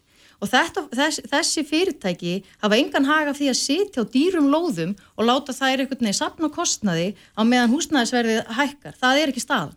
Þannig að þessi fyrirtæki hafa hins vegar verið að reyna að koma verkefnunum sínum áfram, hins vegar skipilagsfyrirlin er bara freka flókin mm -hmm. og, og það bara til að mynda að fara í gegnum deilisskipla getur stundu bara tekið ár, mörg ár og þannig að ég svona, ég, ég fæ að hafna þessu mm. að, að þetta sé, þetta sé eitthvað skonar markvist hérna, afstæða eitthvað, eitthvað, eitthvað, eitthvað ásetningur þessari fyrirtæki því það er, er það ekki og við höfum í gegnum samtöku innar eins og við að, að benda á þetta ítrekkað og við höfum verið til dæmis núna bara síðastlegin verið að fara á milli sveitafélaga og hérna höfuborgarsvæðinu og, og komið fram með tilugur um það bara hvernig er þetta að fara fram í með úrbætur til þess að, að læka byggingakostnað og flýta ferli, ferlinu mm -hmm. og gera hlutina einfaldari og það okkar viti mun lega til þess að sko húsnæðis uppbyggingin og hún verður greiðari. Uh, árið 2016, mm. þá, fyrir ekki þau, árið 2016 var byggingareglur einföldu og, og, kom í, fram í fjölumölum að það myndi leiða til að, að meðal íbúðun myndi lækka um cirka 1-2 miljónir. Það fór bara strax í gegnandi mæði 2016. Mm. Það, bara, það, það, það er ekkert eitthvað sem er enþá í gangi. Það var bara framkvæmt og talaðum að þeir myndu lækka söluverðið á íbúðunum 1-2 miljónir þannig að kostnarinn á væntalega lækkar ennþá frekar. Og ég spyr þá af hverju til dæmis ef að, ef að hérna, byggingaræðilar vilja byggja þar sem að, eh, eru tilóðir núna er, eh, er, er, hérna, er framlegslega dragast saman afleg gríðarlega hratt. Mm -hmm. er það ekki út af því að, hérna, með því að að meðan að þessu sölutreyða og ef að framlegslan heldur áfram í sama magni eins og í fyrra til dæmis, þá lækkar verðið og það vilja verktakar ekki sjá. Vegna þess að við sjáum að það eru 500 eitthvað íbúið tilbúinlega fyrstu þrejum mánuðum ásins núna Eh, ef að framferðsum horfi vegna þess að ég get ekki sé það að framlegsla aukist eitthvað sérstaklega miklu mánaða, hún aukist aðeins við sömarið en þetta er mjög jöfn framlegsli yfir árið. Þá erum við að horfa upp á það að það verið 2100 íbúður framleitari ár sem er heilmingurna því sem að stjórnveld ætluðu að þeir eru byggðar í ár. Uh, þetta eru, hérna, en það, það er alveg hægt að byggja fjögust íbúður, það eru lóði fyrir það það eru jafnvel verkefnum fann að stað. En er þetta ekki bara merkjum það að verktakarnir, þeir geta ráðið uh, hraðanum á þessu og núna sjáu þennan samdrátt. En það er ekki út af því að það er ekki hægt að byggja, það er ekki, út af því að það er ekki vantar, vantar starfsfólk. Það er út af því að með því að fara inn í það er sölutræða með sama framlöslu, þá lækka verðið og það vilja verktakarnir ekki sjá það, hangið það ekki svolítið saman? Sko, auðvitað er það þannig að þegar þú ert að framlega vöru og þá viltu hafa kaupandafærir hana. Mm. Það er bara staðan. Meni, það, er, það er þannig hjá öllum og það er mjög dýrt í þessar aðstæður í dag. Fjárhómskostnar er mjög hár og, og það er alveg ljóst að, að fyrirtækin er þetta líka búin að takast á við það að það er búin að vera mikla aðfangahækkanir og það er líka verið launahækkanir og, efna, og rekstarur þessari fyrirtæki er bara orðið, orðið, orðið erfitt og það er líka staðan að gjaldrótum hjá þessum fyrirtækjum hefur fjölgað frá því fyrra uh, voru 60 á, á fyrstu tveimur hérna, mánuðum ársins. Þannig að, að sko það, það eru þetta þannig að fyrirtækin eru þetta bara að horfa á aðstæðin eins og þeir eru í dag og velta fyrir sér bara hver, hva, hvernig verður staðan, hvað get ég gert? Hva, hvað er skinsanlegt að fara út í? Og þegar er verið að kæla markaðin eins og þeir verið að gera núna með vakstahækunum að, að þá er þetta eðlilega fara fyrirtæki og hérna að, að reyna sína varkárni og hérna, en það eru auðvitað staðan eða þessi sem eru auðvitað graf alvarlega og við þurfum að halda fram að byggja. Það er, það er staðan og fyrirtækinn vilja byggja. Það er líka staðan, mm. en efnaðarstaðstöðnir eru bara orðinlega mjög krafjandi og, og kannski bara komin að það hérna að það er alveg rétt að fyrirtækinn eru að, að draga, draga saman og, og, og við horfum fram á það til að mynda við vorum með nýlega könnuna með okkar fjölasmanna þar sem að uh, kemur í ljós að, að það er unverulega við getum séð fram á það að það sé um svona 65% samdráttur og það eru bara, það eru bara vakstahækkanir, það eru bara Skýrið aðeins með, hvað meinar þau 65% sambrottur í hverju? Nýðustanir þessu og þessari könnun að, að með að við, sko, ný verkefni fór á stað fyrir, fyrir 12 mánuðum og þá vunum 65% færri verkefni fara á stað næstu 12 mánuði. Þannig að það eru verið að dragast saman og hérna sem eru þetta graf alvarlegt því að fyrirtækin um, vita það og, og þeim líður ekki vel í þessum, þessari þessari harmoniku sem þau eru stöðugt í það er ekki gott að vera í þessari gríðalegu spennu sem er búin að vera á byggingamarkaðinu undanfyrir. Þau, þau vilja gjarnan fá hann á stöðuleika og við höfum mm. að kalla eftir því að stöðuleiki er auðvitað fórsenda þess til að mynda að þau geta aukið framleginni í greininni. Og það er auðvitað það sem þau kalla eftir. Og, og það sem að gerist á núna þegar það fyrir að draga saman auðvitað þá geta þau fara að missa starfsfólk og missa starfsfólk úr landi. Það getur verið erfitt að fá aftur tilbaka þegar við erum frá aftur á stað og ef, ef þetta verður sem horfir þá er þetta horfið fram á það eftir svona 23 ár þegar við erum að fara aftur á stað og, og, og hérna, hjólinni að fara aftur að snúast og þá erum við ennþá í þessari skortstöðu og jafnvel verri heldur en það var. En þú ert, eh, sko, núna er það þannig að stjórnuldur vilja byggja er ekki 35.000 íbúður á 10 árum, við minnum að það sé yfirlista markmið. Mm -hmm. og við erum þá að horfa fram á það með þessum tölur sem þú ert að nefna að það er langt frá því að, og þú nefndir líka gumundur, að langt frá því að þetta markmið náist sem aftur þýðir það eftirspurn eftir húsnaði að verða fleiri um, um hverju íbúð heldur en þetta vera og sem aftur þýðir það vantarlega að verði þetta eitthvað. Já og þá er komin í annað vítering. Já, ég meina er það líklega þróun, finnst þér það eitthvað? Ég meina það, sko, það er alltaf að blíkur á lofti og, og, og við hérna þetta, þetta lítur svona út eins og staðan er í dag og hérna um, og það er líka þannig og bara hafa það í huga, við mannst tala eitthvað með endurgrislega á, á, á hérna virðsökkaskatti vegna vinnu innamann á, á verkstað. Um, þessi, sko, sama tíma og, og verið er að búið að vera að hvetja fyrirtækinn til þess að fara stað í uppbyggingu þá er líka verið að draga úr kvötum til þess að fara í uppbyggingu. Og, og það eru auðvitað það eru svona meðsvísandi skilaboð frá, frá ríkistjórninu hvað þetta varðar. Og við höfum þetta gaggrind það að, að það sé verið að fara í þessa aðgerð núna. Um, þegar við erum að sjá þessa þessa, þessa blíkur á lofti um, um, um, um En er þessi samdráttur, er hann er hann orðin myrna, veist, er, er, hann, er þetta augljóst að þetta verður eða er þetta bara eitthvað sem henn halda? Þetta eru bara áallanir þetta eru áallanir, þetta eru áallanir. og hérna um, vonandi, vonandi breytast þær skilur við, auðvitað vill maður það. Við viljum halda áfram að byggja en, en við getum ekki emt fyrirtækjunum út í þá óvissu að byggja fyrir marka sem hefur ekki tökkaði að kaupa. Það er bara líka staðan, þannig að mm. Við getum heldur ekki uh, verið með opna grunna hér um allt og, og, og, búið til aðstæður þar sem, að, að, sem við þekkjum mæta vel. Og hérna, við, við þurfum að vera ábyrg í þessu en við þurfum líka að hvetja stjórnvald áfram í því að, að tryggja það, því þetta, ég er alveg sammála því að húsnæði og heimili, þetta er þetta, þetta er svona grundallar mannreitindi hjá okkur og við erum auðvitað í því í okkar fyrirtæki að byggja heimili, við erum byggja heimili fyrir fólk og, og þetta er, er samhangað í kjærasamningunum og, og við sjáum það að, að uh, ef okkur tekst vel til hér, að þá sköpum við ákveðinu ró mm. á markaði og hérna, en ef okkur tekst illa til að þá sköpum við óruleika og ójabæði mm. og það er auðvitað bara þess vegna auðvitað höfum við engan hag af því aftur að búa til þennan óróleika, alls ekki við viljum fá jæmt og stöðu starfsöngur þar sem fyrirtækinu okkar getur byggt og, og mm. gert áallan sem það getur staðið við Já. en það er bara, við erum því miður að siglin í annan óstöðuleika sem er, er mjög slæmt mm.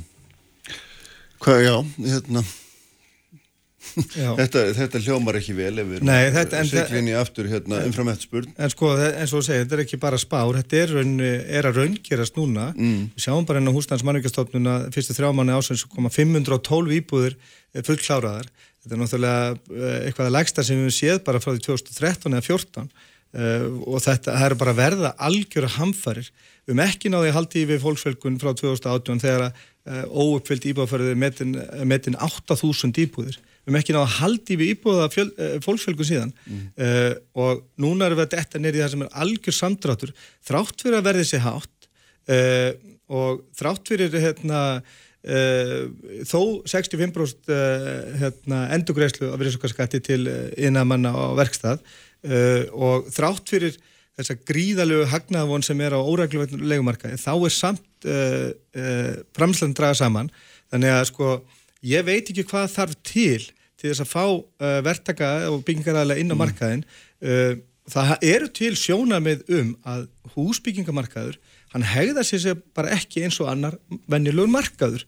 Og það er til dæmi sjónamið bara austuríska stjórnvalda og hefur verið það í ára tíu alveg sama hvort að það eru uh, frjálslind eða eða hérna vinstri stjórnveld eða hægri stjórnveld, það hafi verið þau sjónami uppi í ásturískum húsnæðismarkaði sem að hefur með, eh, með, með mjög sterk aðkomu hins ofnbæra að uh, húsnæðismarkaður er bara fullkominn dæmi marka þar sem að hefbundi markaslögmál ríki ekki, þar sem að skortur hann veldur ekki eða leiður ekki til jafnaukins frambós heldur einhvers hækandi verðs mm. og við höfum séð þetta hérna raungerast á Íslandi og þetta hefur gerst líka víðar þannig að, að eh, í þessu tilliti þurfa stjórnvöld, bæði ríkir sem hefur það uh, uh, skildur samkvæmt fyrsturgrein hús, lagum húsnæðarsmál að tryggja öryggi og jafnbræði á húsnæðarsmarkaði og sveitafélög sem að eiga að tryggja frambóða á húsnæði ekki bara deilskiplastilum, þau þurfa að koma innan á markað mm -hmm. og byggja í miklu meira mæli til þess að tryggja frambóðið. Eh, þessir aðlar eiga að byggja? Já, það er, eiga, þeir, það er ekki nóg fyrir þá að tryggja uh, byggingarétti eða deiluskipulög, mm -hmm. þau þurfa að ber skilda til þess að tryggja frambóð mm -hmm. og ef að byggingaraðalar, engaðalar á markaði eru ekki að uppfylla þessar skildur stjórnvalda þá verður þau að gera það sjálf. Í Helsingi til dæmis, þar e eiga borgar eru stórt byggingafélag sem á næst í 70.000 íbúðir uh, og, uh, og í Danmörku er þetta mikið um saminum félag, það er langstæsti húsna, hlutast húsnæðsmarkaðum bara í saminum félagsformi, þannig að Það verðist eins og löndinni kringum okkur hérna í, í norður og vestur Európu hafa átt að segja á því að það er ekki hægt að ætlast í þess á óregluvætum uh, með óregluvætum legumarkað uh, og, og svona algjörlega frálsam byggingamarkað að enga aðeins tryggji frambóðið. Mm -hmm. Það verðist bara, hefur eiginlega bara hverki gengið upp. Já, við skulum hérna lega björga aðeins hann að kostum í það. Já, mér finnst aðeins gleymast, ég veit ekki af hverju, en, en mér finnst aðeins gleymast að, að það kannski breytingin, stóra breytingin sem hefur verið núna stíðslegin ári er þetta almenna íbúðakerfi.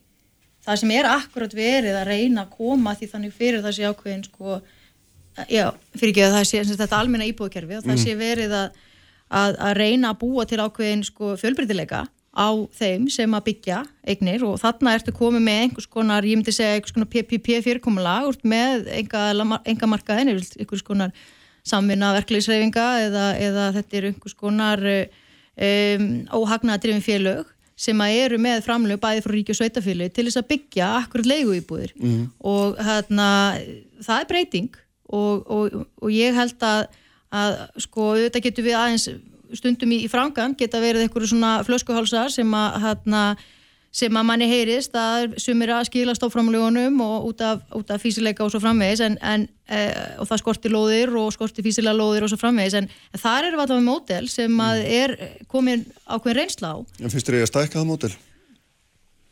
Um, sko það, það, það er þarna er til dæmis ef við horfum bara á, á Norðurlöndina þá er þetta eitthvað sem þekkist þar og, og, og hérna um, er, er tæki til þess að jafnveg líka sveiflujafna í þessum aðstæðum og, og, og hérna en líka auðvitað uh, tæki fyrir til þess að búa til svona félagsleg húsnæðiskerfi mm. uh, fyrir kannski aðeins öðrum fórsundum heldur en til dæmis sveitafélugin eru með og svo framvegis og ég veit að Guðmundur hefur á þessu sterkar skoðunur að þetta er halvi hans, hans hérna, uh, sérsvið en, en, en þetta er allavega kerfi sem er til og sem er verið að byggja upp og, mm. og er verið að, að að búa til uh, tölvöld mikið á leigu íbúðum inn í þessu kerfi. Þannig að, að það er spurningin þurfum við annað kerfi, þurfum við eitthvað meira heldur en þetta, ég er ekkert endur að vissum það. Við skulum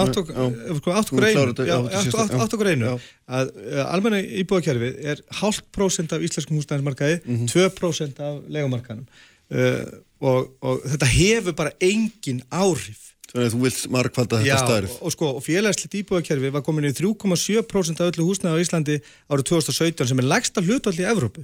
Við erum með minsta félagsleikin húsnæðismarka í Evrópu og við erum með allt e, bæði engareikjuð, frjálst og óregluvætt og þetta getur ekki gengið. Þannig að sko, svona íbúðakerfi eins og almenna íbúðakerfi þurft að vera svona 15-20% af öllu markaði til þess að geta haft einhvers konar aðhald og áhrif á engamarkaðin það segir sér bara sjálf, þú hefur ekkert áhrif á 99,5% með halvt prosent, það hefur engin áhrif, engin. Þetta er góð áhrif á þau fyrir þar fá fjölskyldur sem komast að inn en þetta hefur jafnvel bara vers, verri áhrif fyrir hýna vegna mm. þess að þessu oft haldi á lofti eins og til dæmis bara af stjórnvöldum og, og aðlum sem kom inn í sömræðu að þetta hafi eh, gert stöðuna bærilegri, bærilegri fyrir hérna, tekjulega kaupendur og leyendur, það hefur bara ekki gert það, þannig hefur vestnað mm. frá þetta kerfi var tekið upp 15-20% íbúða verði undir einhvers konar ofinbæri fórsjá er það mynd sem að þú getur séð fyrir þér? Nei, æskil, ég, nei ég, ég, ég get ekki séð það fyrir mér en, en þarna um, og mér finnst líka kannski aftur og mér finnst það sorglegt að það er eitthvað svona innbrygt vantrösk því að, að verðtakar geti byggt hér upp, þarna, upp íbúir fyrir, fyrir tekjulága líka. Og þarna, við þurfum bara að hafa það í huga að, að til að mynda sko, það er ekki alltaf jafn gefið þarna þeir þurfa að borga öll gjöld í botn og, og hérna, fá enga meðgjöf á meðan við erum að bera það saman kannski við annað kerfi þar sem að lóður eru gefnar og, og fjármögnin er á miklu betri kjörum mm -hmm. og, hérna, og það þarf bara að horfa til þess að auka sko, og bæta starfsfengur þessari fyrirtækja og læka þarna álugur og ekki en til að ég er ekki að tala um ykkur eftirgjöf, ég er bara að tala um það að, að, að í dag er þetta mjög krefjandi og talandi um þessa lækun á endurúslu hlutallinu um, ég get ekki séð hvernig við ætlum að til að mynda að byggja inn í þessi hlutveldalánarkerfi með því að hækka byggingakostnæðin með þessum hætti. Þannig að það kerfi verður bara mjög erfitt og þú þegar búið er að, að lækka hlutvalli. Við verðum að hérna, hætta núna í bíli allavega en þakka ykkur báðan fyrir að koma. Þetta var hérna því frólægasta yfirlitt. Bestu þakkir. Takk sem leiðis. Og Erna Kóper er hérna hjá mér eftir augnablík. Sprengisandur á bylgjunni alla sunnundasmórna fróðleikur og frábær tónlist. Bylgjan, sprengisandur, á bylgjunni. Sælir eftirlustundur, þau eru farin frá mér, Guðmundur Hrapp, uh, fórum að leint samtakana og, og Björg sem er sveistjóri uh, manniskarsviðs, Björg Ásta, sveistjóri manniskarsviðs samtaka einaðarins, uh, en sæstir hjá mér Erna Kóper sem að er sérfræðingur í stefnumótun á menningarsviðinu Sæl, blessu og velkomin Já, takk fyrir það uh, Þú ert hérna uh, að vinna í tegnsli við Háskólinu Bifröst. Og þið eru að fara að taka þátt í, í risastóri hérna, alþjóðlu rannsóknverkefni Já, sem að hérna er ekki með einhverjum tólf þjóðum? Jú, þetta eru, þetta eru tólf þjóðir, 13 samstagsæðilar uh, og þetta er fjögur ára rannsókn uh, sem að hófst núna 2022 og stendur fram til 2026 mm -hmm. Og hún heldur utanum uh, sex tilröðnarsvæði mm -hmm. sem eru staðsett í Finnlandi, Lettlandi, Írlandi og í Kroatíu, svo í Asoregjum uh, í Portugal og svo hérna á Íslandi. Já, og það er Vesturlandið, ekki það? Það er Vesturlandið, já. já.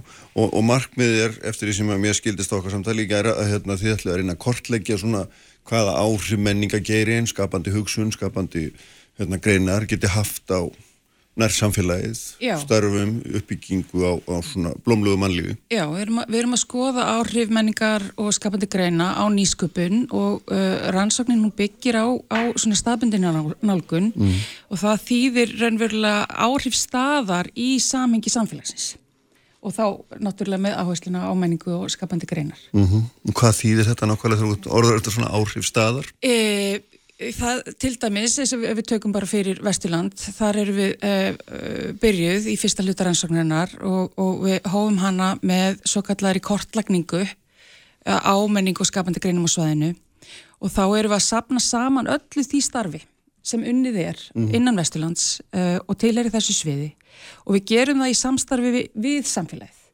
Eh, þannig að samfélagið og einstaklingar sem eru starfandi eh, innan þessa sviðs eða tengdum sviðum, þeir koma með þær áherslur og nálganir sem þeir telja að séu mikilvægastar. Hvað stendur menningu og skapandi eh, störfum fyrir þrifum, mm -hmm. hvernig væri best að horfa til framtíðar og hvað er best að leggja áherslur Þannig að uh, þetta er auðvitað frangvæntastýr rannsókn en á samanskapi að þá er aðfyrðafræðin, hún er öll með þáttöku samfélagsins mm -hmm. Og úr þessu verður raunverulegur gagnagrunnur, upplýsingar um allt menningastarf, eða þetta er lifandi grunnur, það er alltaf alltaf breytast og, og það þarf að uppfæra reglulega en, en þetta beinir sjónum að því sem gert er mm -hmm. að teki, tekur allt saman og getur bæði allt uh, sjálfströst svæða en á sama tíma líka beint augunum að því hvar tækifærin liggja, hvar mm. er hægt að skapa, hvar, mm. úr hver er hægt að vinna. Mm -hmm. Og einhvers þar á bakvið þessa vinnu er einhver grunn hugmyndum það, er það ekki að sé skapandi greinar, þessi skapandi hugsun, sé einhvern með einn svona það sem að á að bera okkur áfram inn í, inn í framtíðina, því ég vona að tala hér um, um raunvísindin í morgun, djúptæknina, en þetta, er, já, þetta getur alveg tengst henni með einhverjum hætti líka, sannarlega, en við þetta er einhver hugmyndir það ekki um það að að þarna sé einhver olja sem við ætlum að nota inn í þessa öld og næstu sem að felist í, í þessum hérna í þessari skapandi hugsun er það ekki svona, það, það er þessi, þessi mynd sem er að máta ykkur inn í, er það ekki? Jú, það, það er sem þetta hefur verið sagt að, að þessi skapandi hugsun, hún sé eldsneiti 2001. aldarinnar uh, svona líkt og ólíjan var það fyrir uh, 20. aldina og uh, sem sagt það verður raunverulega og er yfirstandandi atvinnuháttabilding því að við erum að horfa á um, uh, svona gerð efnaskerfisins breytastölvert og með þessari gríðalegu teknithróun og alþjóðavæðingu að þá erum við að horfa til dæmis í það að, að það sem við áður töluðum um sem menningu, listir og, og, og, og menningagreinar og erum núna farin að tala um skapandi greinar, það getur inni haldið uh, algjörlega nýjar greinar greinar sem byggja á þeirri tæknithróun sem eru átt sér stað og er yfirstandandi og mun geta átt sér stað í fremtíðinni. Þannig að er, þar, þar líkur grunnurinn í þessu mm -hmm. og þessi bilding hún fer af stað uh, svona undir loksíðustu aldar og þá kemur til þetta hugtak skapandi greinar sem að er ætlað að ná yfir þessa, þessar miklu breytingar. Mm. Þannig að, uh, jú, nýsköpunin, áhrif uh, menningar og skapandi græna á nýsköpun er greiðilega mikilvægt að skoða og átta sig á hvernig e, samspilið er. Mm. Og einhverja hugmynd höfum við nú vantarlega um að þetta sé, sé eitthvað aðna, er það ekki? Jú, jú, jú, mm. Ég, minna, við höfum bara séð það og, og, og á Vesturlandi það er alveg dásilegt að vera hérna á Vesturlandi því það er e, gríðilega mikil gróska e, og mörg áhugaverð fyrirtæki og einstaklingar sem er að starfa og uh, það er svona áhugavert að, að uh, á Vesturlandi er starfandi fyrirtæki sem heitir Creatrix mm. sem hún stýrir hún Signi Óskarstóttir og, og hún vinnur að margvíslegum þróunaverkefnum bæði með mentastofnunum og svo menningarstofnunum. Og meðal annars hefur verið í samvinnu við, uh, við hérna mentaskólinni í Borganissi um þróun stímnáms. Og Ég held að það sé eini skólinn á landinu mm. sem er með 15 einingar. Það sem er blanda saman er það ekki raunvísindum og, og svo listgreinum, er það ekki aðeð í steminu? Já, Já, það er svona verið að, að, að virkja þessa aðfyrirfræði, mm. skapandi greina eða menningar listgreinana til þess að, að ebla upp áhuga á, á og, og nýjar aðferði til þess að vinna við þessar hefbundu vísindagrein. Mm Og það er þetta annar vingil sem er áhugaverður í þessu sem er náttúrulega líka það að, að, að það er auðvitað landsbyðin sjálf eða hvað maður segja, þetta er einhvers konar form af, er það ekki hluti að ég er að rannsaka hvort þetta getur gagna sem einhvers konar byggðastefna eins og við höfum nú hérna, talað um hér í gegnum, gegnum tíðina. Jú, jú, þetta hefur, hef, það hefur náttúrulega hangir, hangir mjög vel saman uh, vegna þess að, að uh, eins og ég var að segja áðan, þegar við tökum saman hvað er verið að gera á staðnum uh, þá getur það eld sjálfströðust en líka samtengingu á milli byggðala og sérstaklega innan byggðalagsins. Þannig að, að, að, þetta hefur allt saman mikil áhrif og, og við erum náttúrulega mjög heppin með það í, í þessari rannsókn á okkar tilrunarsvæð á Vesturlandi að við erum með í, í okkar teimi, við, ég er að starfa þar með önnu Hildi Hildi Bræðsdóttur og, og, og svo uh, doktor uh, Víblik Kalsinni mm -hmm. og hann er uh, einnig í, með uppbyggingu á rannsóknarsetri í byggða á sveitarstjónamálum þannig að þetta fer auðvitað allt saman og það er gríðalega gott að geta notið hans sérþekkingar í, í þessu rannsóknarverkefni. Mm -hmm, mm -hmm. Þannig að þið eru að blanda saman blanda saman ólíkum greinum og einhvern veginn svona, ég veit ekki, getur maður sagt að það sé fyrir það svona, það er náttúrulega verið að leggja áherslu á nærumhverfið, það er ekki draga fram sérkenni þess með einhverju mæti, svona, endur uppgöta fegurina í, í því sem næst stendur manni eða, eða hvað? Jú og þessi bara áhrifin sértæka vegna þess að, að, að eins og hérna mikil áherslu hefur verið á í, í þjættbílismyndun uh, og, og borgaruppbyggingu að þá verið að horfa í, í sérstöðu svæða í samkeppninni og uh, landsbyðin hefur, eða landsbyðir hafa orðið tölvert út undan í, í, í þessu uh, samhengi því að rannsóknir hafa einbeitt sér mjög af uh, þjættbílisupbyggingunni þannig að, að, að, hérna, að það verður mjög áhugavert að sjá hver áhrifin eru uh, á landsbyðum mm -hmm. borið saman við þjættbílistæðina mm -hmm. við erum að sjá þetta er náttúrulega bara uh, vel þekkt í, í gegnum söguna Uh, uppbyggingsvæða þar sem að, að listamenn uh, koma saman og allt í einu verður svona ykkur orka og, og, og hérna aðrættararp sem að tengist þessum svæðum og, og svo hefst þessi uppbygging í kringum uh, svæðin og listamenninni fara eitthvað annað mm. þetta, þetta er náttúrulega mjög algengt og það verður áhuga að sjá hvernig þetta kemur út í, í þessu samfélag En, en þarna, það sem að lítur að skipta mig líka miklu máli ég mynda að maður hljóta að vera er, er sko bara breytinga öðru leiti þú talar um tæknibreitingar en önnur risastór breyting er auðvitað hérna, fjöldi ferðamanna Já. og það, það skapar er það ekki einhvern grundvall fyrir að framleiða menningarefni á hverjum stað sem er nýtur þessara sérstöða því að það er einhver til þess að, að koma og skoða það Jú, alveg tímanlaust en þess að hérna, það, það stundum í töðunar með því að hlusta á svona neikvæða umræðu um, um uh, þróun uh, hérna turistamarkassis á Íslandi mm -hmm. það, það, þú veist, ég skil óskup vel að fólk hvart yfir hérna ferðartösku óhljóðunum, rennandi eftir stjættunum en, en uh, sko mikilvægi þessa, þessar uppbyggingar á landsbyðum er mjög mikil. Þannig að, að, að þau erum að horfa í til dæmis eins og eins og hérna uppbyggingu fyrirtækis og hérna fyrsteklefun á Rifi. Mm -hmm. að þar eru þau að fjármagna. Hva, sem er hvað? Já, það, það er svona menningar miðstöð, það sem verður að, að, að bjóða upp á mjög margvíslega og ólíka menningarstarfsemi hófst eh, svona á grunni eh, hérna leiklistarinnar en eh, nær bara yfir svo mörganu svið tónleikar og, og, og hérna myndlistasýningar og, og bara ógrinni af, af, af frambóði en þetta er svolítið fjármagna með gistiríma uh, sölu. Já, já, já. Vegna þess að þarna verður að bjóða upp á gistingu fyrir uh, ferðamenn og uh, það gefur færi á þessari stórkoslu uppbyggingu sem að núna hefur orðið til þess og á svipum tíma og, og, og fristiklefum fyrir að stað að þá er verið að byggja upp uh, kvítahúsið á Hellisandi, residensju og svo fyrir að stað verkefni uh, inn á Hellisandi þar sem verið að, að, að mála graffítimyndir á, á, á húsveki sem er orðið alveg sko, stórkoslegt út í listaverk mm -hmm. og dregur að sér fjöldaferðamanna en á sama tíma þá verður líka hérna, uppbygging uh, í samfélaginu og, og það er orðið svona mjög margir listamenn sem eru þar starfandi og sækja að Hellisandi og mm. þetta er bæði innlendur og ælendur listam mm. en þetta er orðið svona listamanna samfélag á Hellisandi já, já. mjög áhugavert koma uh -huh.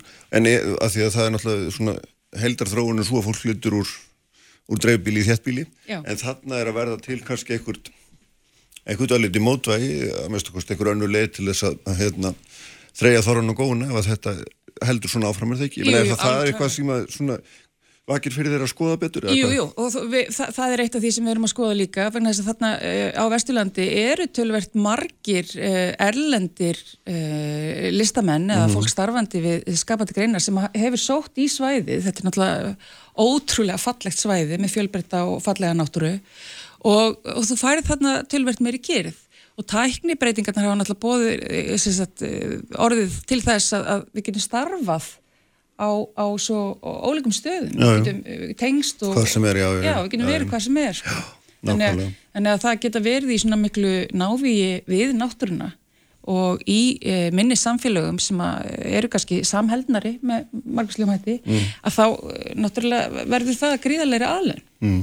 En þegar við tölum um skapandi greinar þá tölum við þetta ekki bara um listamenn því við höfum kannski mest Já. talað um áhrif þeirra Mhm. en þetta er auðvitað miklu viðfæðmara, þetta er fólk sem er ekki listamenn svona þröngum nei, skilningi. em, nei, nei. Við erum að tala um skapandi hugsun og skapandi starfsemi og hún Mm. getur alveg átt sér stað innan annara greina heldur en það sem við áður töluðum um sem sko lista og, og menningagreinar. Mm. eh, og tölum enn þá um eh, sem lista og menningagreinar. Eh, vegna þess að, að, að, að hérna í grunnina þá erum við alltaf bara að vísa í þessa eh, skapandi hugsun sem að eh, er að leiða að sér leiða af sér eitthvað nýtt og er að horfa í að nýta uh, þá þróun sem, er, sem er yfirstandandi og við erum í til þess að búa til nýtt tækifæri. Já, eða jafnvel nýja lausnir innan mjög hefbundina fyrirtækja. já, já. En þess er þetta líka svona tvennskonar það ekki að því leitina til að kannski þeir sem leggja áherslu á þetta sem kallar hér staðbundna, þetta sérstæka sem er og einhvern veginn vilja sína það og, og halda því fram. Og svo eru þetta aðri sem að tengjast þessu líka en eru kannski bara að vinna einhverju sem er út í heimi skilur þó að þeir hérna búa einhverjum tildegnum stað Jú, jú, og, og, hérna... og allt fellur þetta undir sama rannsóknar hattin er það ekki Jú, jú, það er til dæmis hérna frábært fyrirtæki í, í borgarnisinu sem heitir Locatify og, og hannar margvíslegar svona leikalausnir Mm. uh, og uh, þau uh, hjónin sem að reka það, þau geta starfað mjög víða og, og, er, og gera það, sko. mm. eru ekkit alltaf uh, staðbundin í borgarnisi en, en uh, það er þeirra starfstöðu, sko. Já, nákvæmlega. Svona þegar að hérna, þessum fjórum árum líkur, hvað hvað er þetta vonast til að þú standir uppi með eða setur uppi með Jú, það sem við erum náttúrulega erum að horfa í er þessi sérstaka uh, þessi sérstaki struktúr sem er á þessu sviði Mhm. vegna þess að, að, að samsetningin um, uh, hún er raunverulega bara fjöldi einstaklinga, örfyrirtækja og svo smáfyrirtækja sem er mjög óvennilegt og uh, þessi fyrirtæki tengjast með mjög margvíslegum hætti í sinni starfsemi, mikið hérna, samstarf á milli, klasar og, og tengslinett Mhm. sem skipta máli. Þannig að við erum svona að reyna átt okkur á því hvaða uh, ferla og, og, og form við getum dreigið fram og skoðað sem eru svona sérstakir innan þessar greina Mhm. en eru, og eru ólíkir því sem að, sem að uh, aðrar atvinnugreinar um, starfa við og, og þá erum við svo líka heppin að geta skoða uh, staðin í þessu samingi á milli þessar sex tilrunasvaða því að, að uh, sko, hver staður hefur sitt eigið minnstur en þannig eru ákveðin atriði sem að hægt verður að draga saman. Já, og þegar að þessu líkur þá verðum við, vitum við eitthvað aðeins meir um það hvað áhrif menningin hefur á uppbyggingu samfélagana. Já, já, það er gríðarlega mikilvægt að byggja upp þennan þekkingagrunn og að því við höfum dreigið svolítið aftur úr, við okkur höfum vantað uh, svona bara ákveðna tölfræðiskrafningu og, og það vantar uh, rannsóknarverkefni, nei, rannsóknir og við erum núna í samstarfi við uh, HÍ og HA, Mm. byggðastofnun og, og, og, og hagstofuna um þróun kursa sem að standa þá öllum þessum nefndum til, til bóða Mm. og uh, eru til þess að ebla rannsóknarvirkni bæði á meistra og, og doktorsti. Jómandi, Erna Kopper, takk einlega fyrir að koma og hérna segja okkur frá þessu.